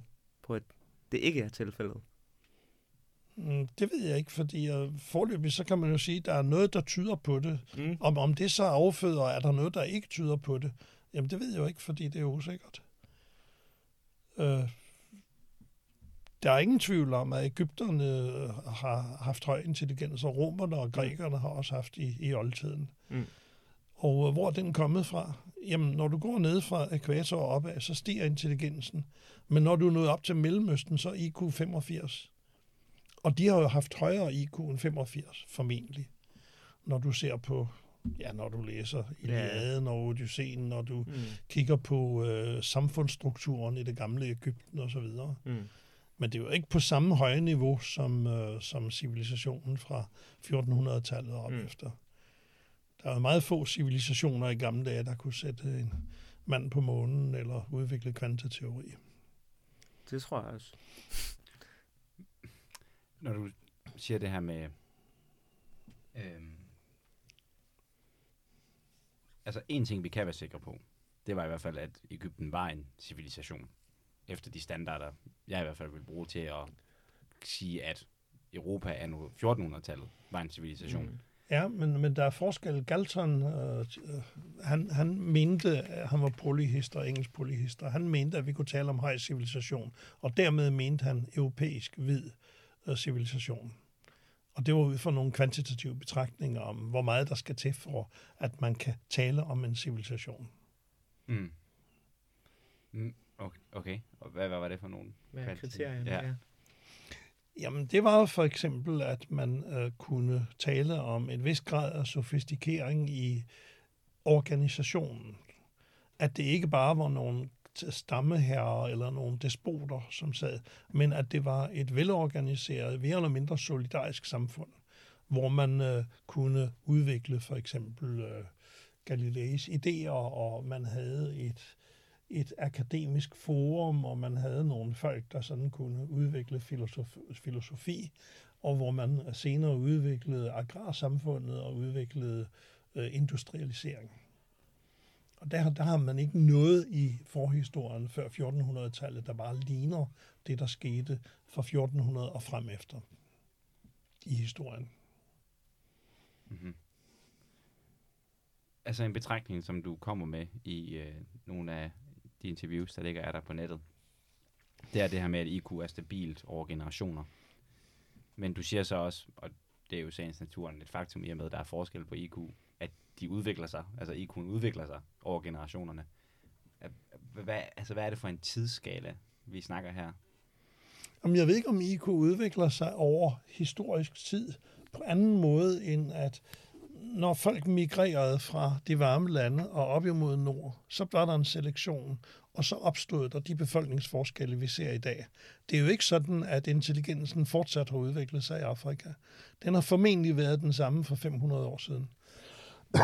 og det har man fra, at øh, den engelske forsker Richard Lynn, han har undersøgt IQ for det, man kalder aborigines, altså folk, der, der øh, levede i 1400-tallet, blandt andet i Europa og i Afrika. Og så viser han, at der er ingen forskel på målingerne i Afrika i dag og for 500 år siden af intelligensen. Det er omkring IQ 70. Mellemøsten IQ 85, Europa IQ 100 og nordøst, nord, nord, nordøstasien IQ 105. Og det er de samme tal for 500 år siden, som vi ser i dag. Mm. Hvis vi så kigger på immigration, så ser vi, at boerne, der udvandrede for mange hundrede år siden fra Holland og gik til Sydafrika, som dengang var øh, ikke et særligt veludviklet land, så hvis du måler boernes intelligens i dag, så er den nøjagtigt den samme, som hollændernes var dengang deres forfædre udvandrede osv. Hvis du måler udvandrere fra Europa i USA, der har boet måske fem eller ti generationer derovre. Det er nøjagtigt den samme IQ. IQ holder sig konstant over århundreder, måske årtusinder, så vidt vi kan se. Hvordan har man, øh, helt lavpraktisk, hvordan har man IQ-mål fra, der er, hvad sagde du, 500 år gammel? Ja. Hvordan er... Jamen det har du af folk, som har levet 500 år samme sted, og hvor man ved, at der ikke kommer nyheder fra. Altså du kan, du kan for eksempel måle Aborigin Intelligence i Australien. Mm. Og den er, jeg tror, den er IQ 62 eller sådan noget. Det er en af de første udvandringer, udvandringsbølger fra Afrika. Og den har holdt sig øh, i al den tid, man overhovedet har målt den. Mm. Og den passer meget nøje med udgangspunktet i Afrika. Der er ikke sket nogen udvikling der. Mm. Så intelligens er stabil over århundreder, når vi kigger på gruppeniveau.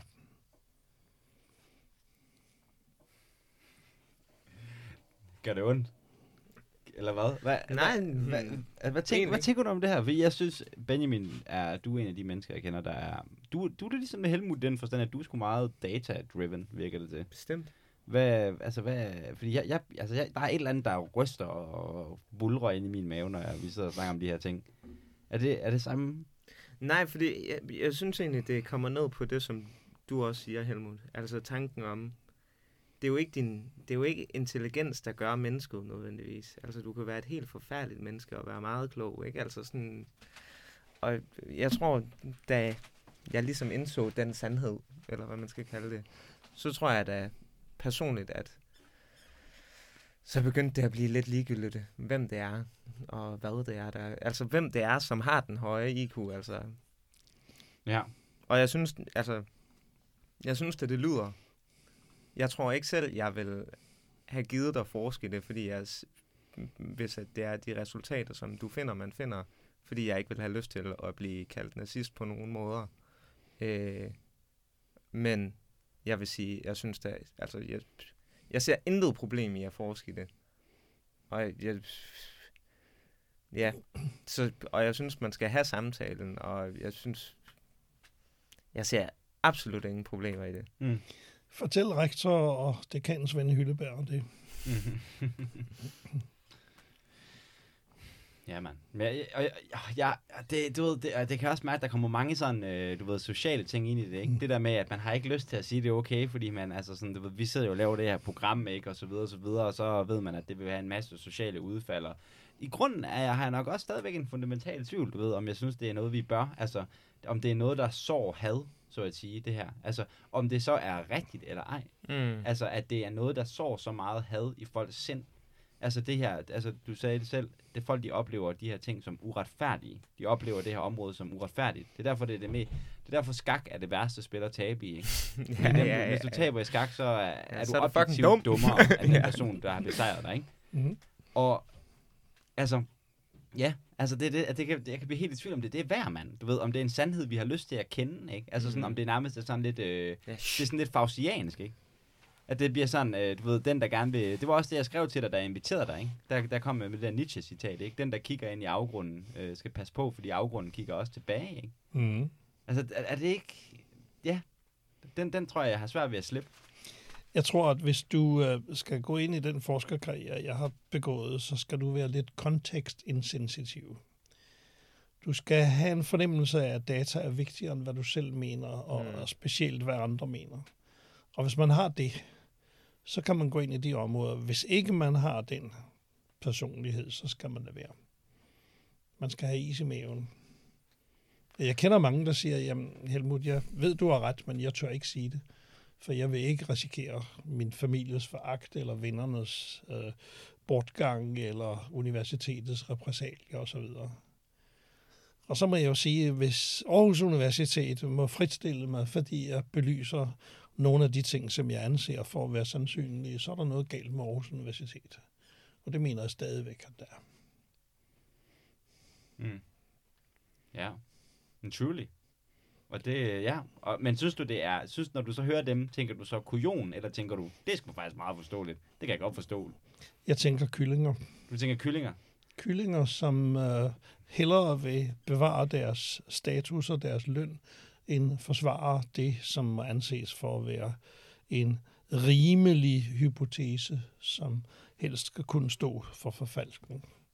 Men det er de ikke interesseret i. De holder skoletaler, hvor de snakker om frihed, lighed og broderskab, og om at vi skal alle sammen øh, blive øh, udvikle os til spidsen og væltspidse forskere osv.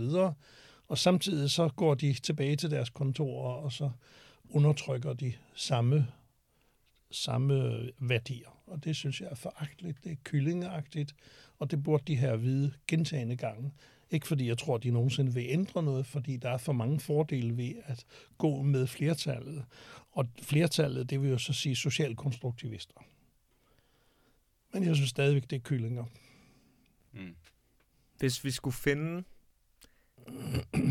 anti-Helmuten, eller din største kritiker, som samtidig også er måske forsker, eller i hvert fald... Det er min kone. Hun er god grundvigianer. Og humanist. Og humanist. Og klinisk psykolog. Og, hvad, hvad, og siger, ja, men det kan da godt være, at du har nogle ubehagelige data, men du kan godt tale pænt om den. Og så siger jeg, at det er ikke en bekvemmelighedsmanøvre, det her. Det er forskning. kan jeg, tror du, hun ville stille op til et podcast? Det tror jeg ikke, hun vil. Nej, okay. Men okay, hvis, hvis nu vi skulle have nogen, for det er det, vi snakkede om. Mm. Du, må, du må gerne... Uh... Vi skal bare... Jeg, ja, nej, fortsæt endelig. Det, vi vil bare gerne, det er fordi, at, ved, og det, er jo, det er jo sådan, altså... Jeg tror, jeg tror på, at vores vigtigste værdi i det her land, det er frihed. Og det, og det tror jeg virkelig på. Altså det, at individer kan gøre og sige, hvad de har lyst til. Enig. Og, men det betyder ikke, at der ikke... Men det, men det synes jeg også samtidig forpligter en. Altså det giver også en et ansvar for at bringe og bruge den frihed på en fornuftig måde. Og så begynder der at komme alle mulige andre. Uenig. Fordi frihed, den består i, at man også skal kunne sige ting, som folk ikke kan lide. Det, det er jeg helt enig i. Det er ikke det, jeg, det er ikke, jeg okay. siger bare, det ansvar, det forpligter en til, det er at bruge friheden til at høre et mangfoldighed af stemmer. Det er det. Vi skal ja, lige så godt anti. Problemet er, at mangfoldigheden af stemmer er en helt, næsten helt enig social konstruktivistisk bevægelse, og de vil ikke høre andet end det, de selv siger. Og når man kommer med gode data, som viser, at de tager fejl, hvorfor skal man så sidde og høre på den generation efter generation? Det er jo spild af forskningstid, det er spild af forskningspenge, det er spild af universiteternes tid. Man skal ikke bare sidde og lytte til, hvad de fleste siger. Der er jo så mange eksempler i videnskabshistorien på, hvad folk har sagt, og så bliver de ledet ud. Øh, der er jo Semmelweis, der Mm, nej, øh, ja, de, de tektoniske plader og så videre. Han blev ledet ud. Boltzmann tog livet af sig og så videre, fordi at nogle af hans fysikkollegaer var uenige med ham og så videre. Så nej, det skal man da bestemt ikke. Man skal ikke høre efter, hvad folk siger. Man skal ikke være venlig. Man skal være tro mod data. Og data kan være uvenlige. Der har vi et, øh, det, det, det er virkelig det er en titel på et podcast, det der. man skal ikke være venlig, man skal være tro mod ja, data. Hvis vi skulle have en teaser. ja, ja, ja. Ja, ja. ja. Men, øh, ja, ja, altså det kan jeg godt forstå. Og jeg kan godt forstå fra dit perspektiv, at det er sådan, du har det, fordi du er videnskabsmand. Du beskæftiger dig med data, men vi beskæftiger os med mennesker. Og fra et menneskeligt perspektiv, så synes jeg, det giver god mening at beskæftige sig med forskellige synspunkter. Altså det altså på et helt rudimentært plan. Jamen, der er det ved det, at hvis nu man er socialkonstruktivist, så har man et forkert budskab, som skader mennesker. Mm-hmm. Og dem skal man ikke være venlig overfor. Der skal man vise, at mennesket er et genetisk betinget væsen i en meget kompliceret verden, og der er nogle forskelle mellem mennesker, og der er nogle forskelle på, hvilket samfund de lever. Men vi er jo også så åbenlyst et socialt konstrueret væsen. Synes du ikke det? Nej. Hvis at du blev... Prøv at, altså, hvorfor... Du er dine gener. Jamen altså en person, der vidderligt bliver smadret dag ud og dag ind og voldtaget af sin familie. Jamen nu, nu, nu, nu, er vi jo nu er vi over i noget med social retfærdighed. Jeg vil gerne tale om forskning. Men der findes der forskning, der dokumenterer, at folk, der bliver udsat for vold som børn, har større sandsynlighed for at selv at blive voldelige som Ja, voksne. ja. Nej, nej, det er der ikke. Er der ikke det? Nej. Der er sandsynligheder, og der er øh, undersøgelser, der viser, at 10 procent af en befolkning går i hundene på den ene eller den anden måde, med stofmisbrug eller kriminalitet eller hvad det er, og at det går i familier i meget stor udstrækning. Men, okay, men altså... Og så, så uh, siger vi, at det er jo fordi, de er blevet dårligt opdraget. Men hvordan skal man så forklare, at der kommer børn fra miljøer, som ud fra enhver synsvinkel må sige at være uhensigtsmæssig, og blomstrer op som, som herlige, øh, nyttige, nyttige individer. Og der kommer børn fra de bedste kår overhovedet, som går i hundene. Ja, men det, altså, Jamen, i, i den udstrækning, det er tilfældet, så kan man sige, at det er jo ikke bare opdragelsen. Men Det, og det er jeg Nej, helt enig i, men, men jeg det kan jo snakker, stadig det, jeg spille ind. Præcis, jeg snakker om et socialt, jeg snakker jo om et komplekst samspil mellem genetiske og sociale faktorer. Nu går, det ind i, nu går det ind i sårene. Ind i? Komplekse samspil, det er sådan noget, hvor man siger, uh, det er ikke godt. men altså, jeg mener Du bare, skal, du skal prøve at forsimple en hver uh, eksperimentel situation. For hvis du vil tage alle ting ind på samme tid, så får du ingenting ind. okay, men så, Eller ingenting. okay, men så lad mig, sige, lad mig give et andet eksempel for rotter. Ikke? Rotter. Ja. ja, okay. Ja. Hvis du påvirker rotters, øh, hvad hedder det, hjerner ved at stresse dem, så vil du se ændringer, strukturelle ændringer og funktionelle ændringer i deres hjerner. Jeg har tilfældigvis arbejdet på Rockefeller Universitetets neuroendokrinologiske laboratorium, hvor man havde det som hovedemne, og du har fuldkommen ret. Når du stresser rotter, så kan de faktisk ætse, det kan ætse visse områder af hjernen væk. Men er det ikke et bevis på, at væsener er socialt konstrueret? Altså at vores miljø påvirker Nej, vores... det er, det er et bevis på, at øh, rotter og øh, formentlig også mennesker er molekylære indretninger, og hvis du mishandler dem, så kommer der en forkert Ja, udvikling. men Men er det ikke præcis kommer det jo fra et men socialt du skal holde den diskussion, som er klinisk, ude fra en diskussion af normal udvikling under normale forhold. Det vil sige, hvor der ikke er tale om klinisk øh, overgreb osv. Men mennesker Det, det, bliver er to, udsat det, er to, det er to forskellige forklaringer. Men det gennemsnitlige menneske bliver da i den grad udsat for kliniske overgreb Ja, hele tiden. hele tiden. ah, det er nok en generalisering, jeg ikke er sikker på. Du, du, altså, der findes der mange mennesker, der bliver udsat for forfærdelige ting Hvor i et mange? samfund. Hvor mange? Mm, Og hvor forfærdelige? Vi, vi skal være lidt mere præcise. Ja, okay, men det kan jeg ikke være. Men jeg mener bare, altså, jeg, jeg kan bare ikke se, hv- hvordan at du kan benægte, for jeg ved ikke, om, du, og jeg ved ikke, om det er det, du gør. Jamen, Benægter jeg, ben, du, jeg at der... benægter ikke, at overgreb kan skade mennesker. Nej. Hvorfor skulle jeg benægte det? Ja, det er det. Men det er en klinisk diskussion. Jeg er ikke interesseret i kliniske overgreb. Okay, så det er det, jeg er om. interesseret i samfundet som, som et, et fænomen, der muligvis kan underlægges tal og talforståelse. Ja, Okay. Det er klart, hvis du slår en mand i hovedet med en hammer, så sker der noget med ham. Det, hvorfor skulle jeg benægte det? Ja, Men det er, bare, det er bare ikke den diskussion, jeg er interesseret i. nej, okay. Jeg er ikke kliniker. Okay, ja. Hmm. Ja. Det, jamen det, okay. Jamen det er rigtigt. så, så kan vi ikke have den diskussion. Det kan jeg godt se. Så kan vi ikke have den diskussion. Fordi jeg vil jo mene, at, at det sociale indflydelse på mennesket bevæger sig på et spektrum fra kli... Altså du, du laver en opdeling mellem normal og klinisk. Hvor jeg vil sige, at der er en flydende grænse mellem de to ting. Altså, lad os bare tage, lad os bare tage et eksempel som, øh, du ved, en øget øh, stressprævalens. Mhm. Ikke? En øget angstprævalens i et samfund. Det er kliniske tilfælde, men jeg tror da i høj grad, de kan forklares med sociale fænomener. Den situation kan jeg slet ikke diskutere. Den har jeg ingen forudsætninger for at diskutere. Okay. Men det kan jeg fortælle dig, for eksempel, at det Mhm. er bevisligt, øh, altså, ja, bevist, at prævalensen af stress og angst er stigende blandt unge mennesker. Mm-hmm.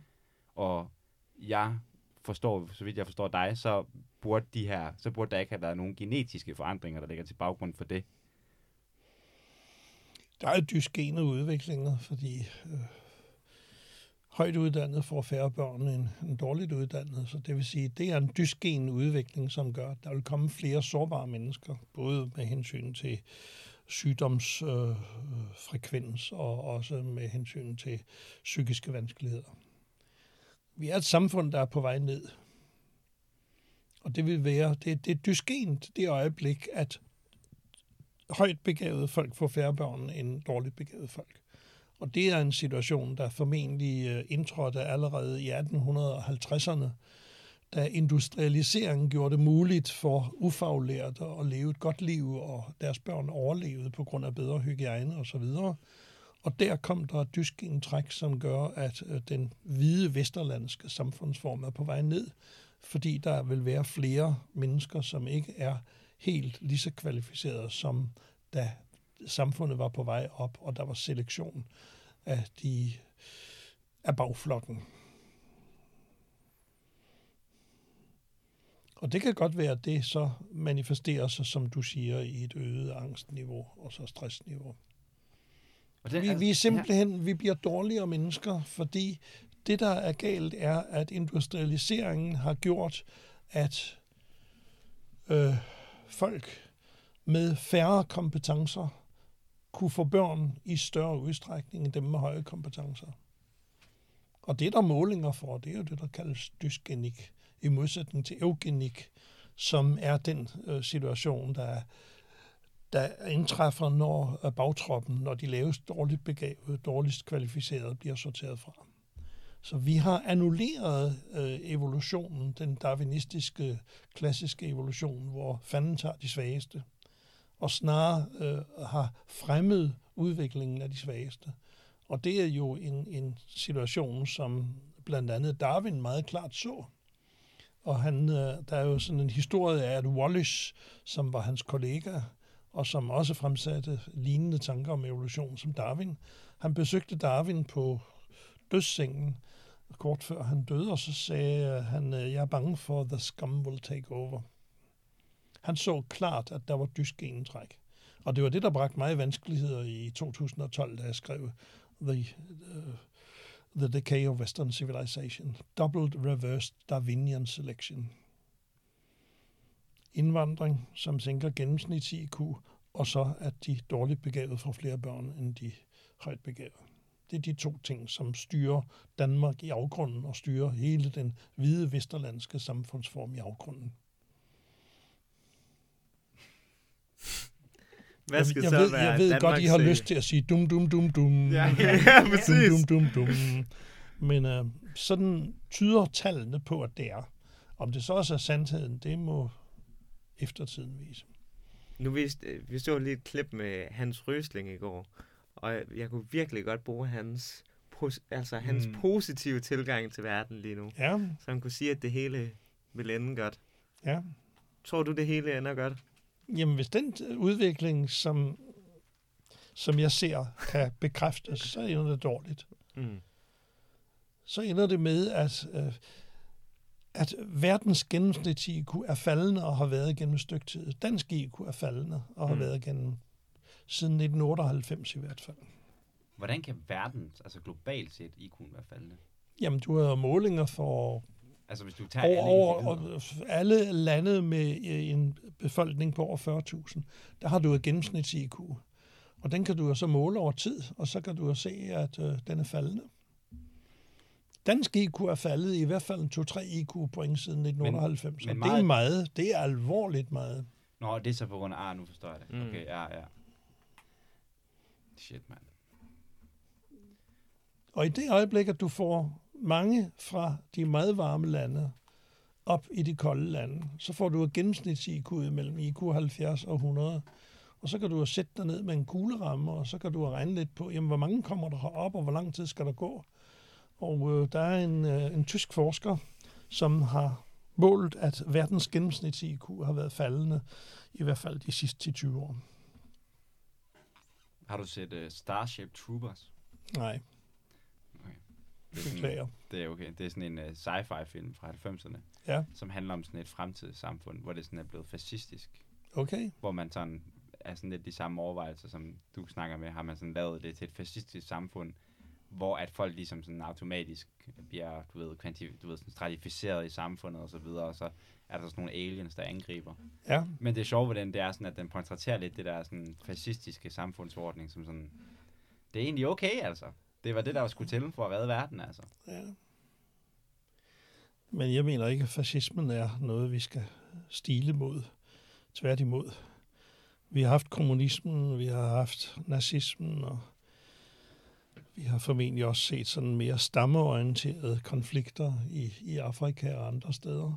Og det ser ud som om, at hvis du har IQ over 90, så er der chancer for at lave et civiliseret samfund, hvor en vis form for humanisme kan praktiseres.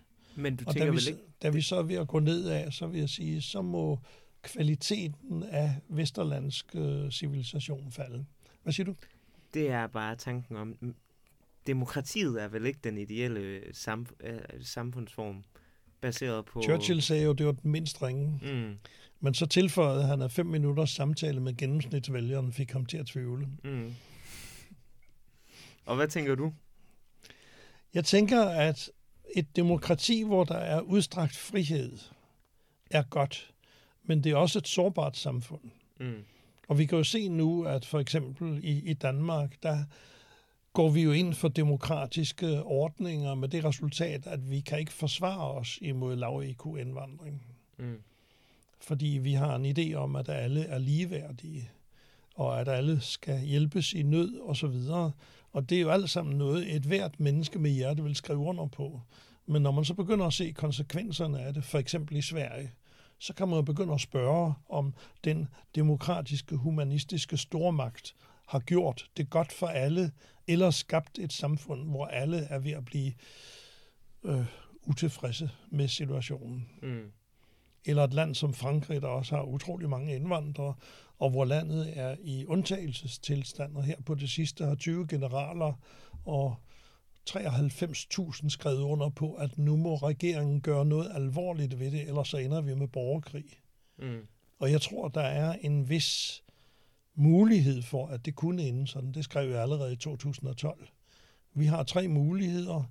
Underkastelse, repatriering, ærefuld repatriering. Vi fortæller folk, at vi har gjort en frygtelig fejl ved at invitere så mange lav folk fra varme lande herop, og det bør vi betale dem for, så de kan etablere sig derhjemme, eller borgerkrig. Og jeg begynder mere og mere at tro, at vi får borgerkrigen. Det er kun et spørgsmål om tid. Men vil du stemme for, at vi sendte en masse penge ned til Afrika, i stedet for at tage... Jeg stemmer for alle de øh, tiltag, som gavner både dem og os. Men hvis vi sender en masse penge derned og spilder den, fordi vi laver en cementfabrik, og fem år efter, når vi har forladt den, så står den som ruin, så vil jeg sige, så bør vi da revidere, hvad vi så skal mm. gøre. Har du en god plan? Nej. Mm. Og FN har jo så fortalt os, at befolkningseksplosionen i Afrika, den vil være af så overvældende dimensioner, at problemet med migrationen blot vil blive forstærket. Mm. Og så kommer vi tilbage til et demokrati. Jamen er det godt, at vi ligesom siger, at det jo, enhver har jo ret til at, at være hvor som helst, som man siger i Sverige. Og så får vi den forarmelse af det svenske folkhemmet, som vi ser i øjeblikket. Mm. Det synes jeg er helt forkert. Men jeg tror, så hvis jeg skal snakke om mit, min personlige tanke om flygtningen og så videre, så er det lidt ala Churchill-citatet egentlig. Mm. Så det er tanken om, det er helt sikkert ikke ideelt at tage en masse flygtninge ind, men de er flygtninge, altså det er fordi, de kommer fra et forfærdeligt sted, og det er fordi, der er krig og øh, ja, kaos alle, alle vegne. Så vi har simpelthen ingen andre muligheder, Mm. end at tage dem ind i vores land, fordi ellers er det inhumant. Mm. Så ja, Så hvad er spørgsmålet? men det er ikke så meget et spørgsmål, det er mere, er vi ikke nødt til at tage dem ind på en eller anden måde, selvom det går ud over, altså er vi ikke nødt til at ende som Sverige, hvis det er folk, der er flygtet? Jamen, svaret på det ser du jo i Sverige. Mm. Nu har Sverige jo taget mange ind, med det resultat, at systemet er ved at kendre. Mm. Så har alle tabt. Mm. Så det var altså ikke en god idé. Så kommer vi til det næste spørgsmål. Hvad er så en god idé? Mm. Ja, det ved jeg ikke. Mm. Så altså, Men hvad gør vi indtil det, svaret, svaret? svaret ligger i, i Tyskland og Frankrig og i, i Sverige. Mm. Var det godt, det vi gjorde? Jamen, der er ingen, der kan sætte en finger på ideen om, at når folk flygter fra bombardementer og sult og nød og så videre, at så må de selvfølgelig gøre noget. Men det næste spørgsmål er, det vi gør så ved at tage dem ind her og lade mange af dem blive permanente brugere her, er det bedre? Mm. Og der er man som util- utilitarist nødt til ligesom at overveje, hvad er det mindste onde, og hvad er det største, den største lykke. Men indtil vi finder ud af det, er vi så ikke nødt til at tage dem ind? Indtil Jamen, vi finder jamen, den du mest får ideelle? svaret i Sverige. Kig på Sverige, og så spørg om det er godt, det der er sket. Men, For der har de jo gjort det. Jeg forstår godt, at det ikke kører godt i Sverige. Men Ja, kan vi ikke sige, at det er en underdrivelse? Jo, men, og helt sikkert. Ja. Men det er bare for at sige, du har ikke svaret, jeg har ikke svaret, og Sverige har tydeligvis heller ikke svaret. Men indtil at vi har fundet på en længerevarende løsning på et humanitært problem, Mm-hmm. bliver vi så ikke nødt til at tage de her mennesker ind? Det er jo Og- det, der er den, Som en gældende, det er det, den gældende politik i øjeblikket, og se, hvordan det går. Mm. Altså, du siger nej. Det, jeg tror, det er lidt høre, hvad du siger. Ikke? Det Ja. er nej. Jamen, svaret er givet. Jeg siger det ikke. Sverige giver ja, svaret. Ja, og, det er det. Mm. Og, der, og, og på bar, den lektie, du drager af det, er nej. Til, Mm. mm. til at, Ja. at have en lignende situation i Danmark. Ja, hvis Mm. du nu spørger, hvordan var Sverige for 30 år siden, Ja. og hvordan er de i dag, økonomisk set, Mm. tryghedsmæssigt set, demokratisk set osv. Se, hvad de har fået af, af problemer. Mm. Men, Sverige og Frankrig, men du har, der er no-go-zoner i Frankrig Mm. og i Sverige osv. Der er også i Danmark. har du hørt om den gotiske folkevandring? Ah, det var et stykke tid siden. Ja, det er ved at være noget tid siden. Ja, hvad med den? Har du, og du har nok også hørt om goterkrigene i, hvad var det? 76, 376. Ja, jeg er ikke specialist i det område. Det er nok dit område. Mm. Der skete jo det, at der var nogle folkeslag over i Østkina, som begyndte at dominere andre folkeslag, Mm. og dermed begyndte en migrationsbølge, som blandt andet resulterede i, at hunderne, det mener man, blev ligesom øh, tvunget ud af deres eget territorie i Nordkina, Mm. og dermed tog, Og så drog de videre. tog de videre, Ja, og med stor succes. med stor succes jo, kan man Mhm. mm-hmm. sige, og tvang så de gotiske folkeslag, der boede i Europa, Mhm. mm. tvang dem, kunne vi måske sige, til at, at trække ned og emigrere til, til Romeriet. Men når du kigger på verdenshistorien, så vidt jeg kan bedømme, så er det business as usual. Og det er business as usual, ja. men pointen er bare, de her strømninger, er de ikke uundgåelige? Altså, er der, er der overhovedet noget, vi kan, altså, det er også lidt det, altså, er der overhovedet noget, vi kan gøre ved det? Altså sådan, Mm, det er der til synligheden ikke, når vi er demokratiske. Hvis det er et autokratisk samfund, så kan man beslutte, at grænserne er lukkede. men det havde du Og også i ikke- Romeriet. Det var også et autokratisk Nej, nej. samfund, der sagde nej. Ja, og nej, prøvede at nej, holde nej. væk, En men du- tredjedel af befolkningen i Rom var slaver og, og, og ikke demokratiske, og de øh, blev jo efterhånden mere og mere åbnet for indtryk udefra, og til sidst blev deres forsyningslinjer også så lange, så det, det er jo ikke et, et, et enkelt fænomen, men øh, de var meget, meget åbne, og til sidst så kunne folk jo næsten gå ind og overtage Rom, fordi de var forsvarsløse på 100 år, havde de 80 soldater, kejser Mm. og så videre. Mm. Det var jo et samfund under nedbrydning indefra. Og så kunne man også nemt gå udefra og gå ind og nedbryde det. Jeg tror, men jeg tror, min pointe er mere det her med, at du snakker om, at der er tre muligheder, ikke? Og Har jeg sagt tre muligheder? ja, du sagde borgerkrig, Borgerkrig. repatriering, Nå, ja, ja, eller okay, hvad ja. var den tredje? ja det er underkastelse. Underkastelse, ja. Ja, Øh, og dermed mener jeg muslimsk ja, underkastelse. Og jeg, jeg kan... Præcis, yes. Godt at lige få med. Hvad er det? øhm, men jeg mener bare, du ved, de her migrationer, de sker jo. Altså folk, de er i Nej, krig. de sker ikke. De får lov at ske. Jamen det er det. Men er det ikke, men jeg tror bare, jeg tror ikke, jeg ser, jeg tror ikke, jeg ser ærefuld repatriering som en, et reelt realistisk mål. Nej, det er det. Jamen, hvis, hvis folk har en social konstruktivistisk holdning, så siger de, det sker der ikke så meget ved, fordi vi er alle sammen ligeværdige. Det vil de kristne jo også sige. Vi har en, en, en, en udødelig sjæl, og hvor alle er lige gode i Guds øjne, og så videre. Og, og det, er, det er nogle holdninger, som gør, at man siger, jamen, så kan vi også tage indvandring, og det er så også fint nok. Og det er det jo så altså ikke. Klart, men det, jeg tror, det, det er mere det bredere spørgsmål er bare, jeg kan bare ikke se, hvordan man kan komme udenom en reel krig. Altså, du kan ikke, du kan ikke, du ved, når folk er i krig, så har de tænkt sig at flytte fra et geografisk område, de er i, til et andet område. Og Jamen, det, kan, at det, kan godt være, at hvis du så bare kan vælge... Men den befolkning, de så kommer til, den, det geografiske område, de kommer til, lad os sige, det er Danmark, lad os sige, det er Tyrkiet, de kan enten vælge at tage dem ind, eller så kan de lade være. Hvis de Mhm. lader være med at tage dem ind, så virker det egentlig til, at det igennem historien bare har ført til en krig. Altså fordi så vil de, de mennesker, der har flygtet, fordi de ikke kan være der, hvor de er, Ja, de vil, de vil prøve at bryde ind i det, det Mhm. land. Så, altså sådan, du ved, er det så det? Altså sådan, du ved, er, det så, er, er, du, er, du, er du klar til at acceptere det så? Altså sådan, så må vi gå i krig. Altså må vi skyde de folk, der prøver at komme herind? Jeg vil sige, at vi er noget ud over vores speciale, mit specialområde mm. Mm. i øjeblikket.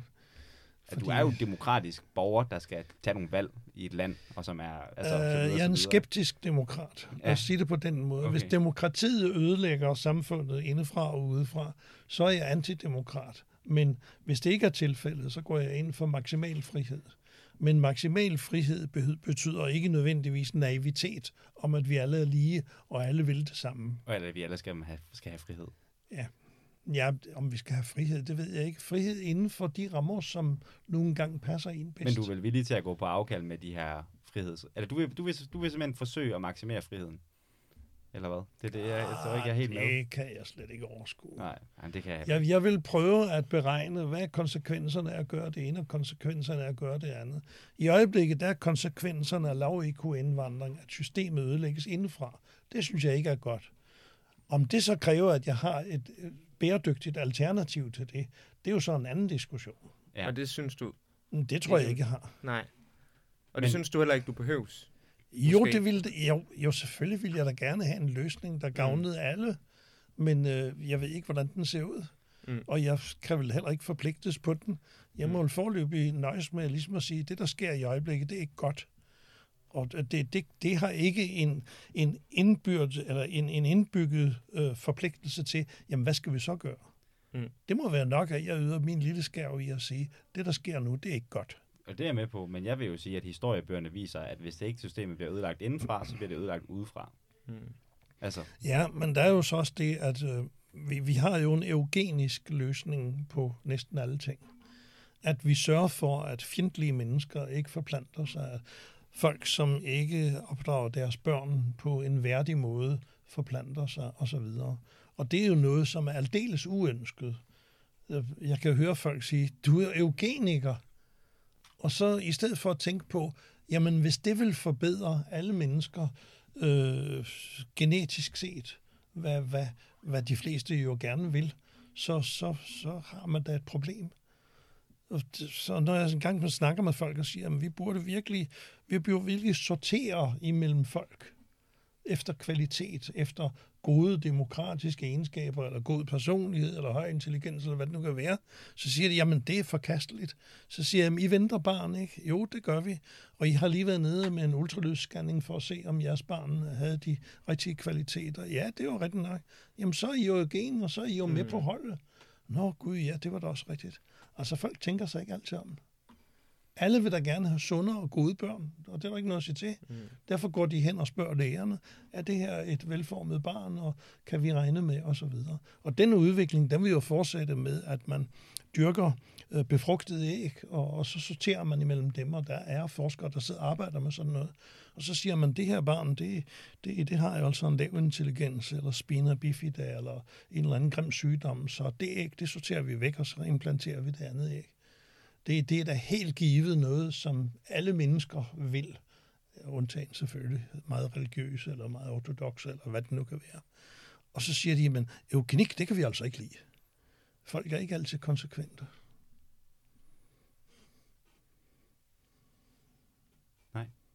det er de bestemt ikke. Er du Har vi løst alle problemer? det? Jeg tror næsten. Jeg tror, vi Vi kom, vi kom derhen. Der er lige det der med rygning og alkoholisme, det har vi ikke løst endnu, men uh, det kommer. Mm. Der er det jo et sted, hvor der findes sunde alternativer. Som Sådan. Snus. Ja. Sådan, så det har vi også løst. ja. Køb mere snus, Mm. tror jeg er budskabet herfra ja, i det dag. er, ja. Vi, skal, vi, du ved, vi har sådan lidt en tradition om at sådan ende on a happy note. Her. Mm-hmm.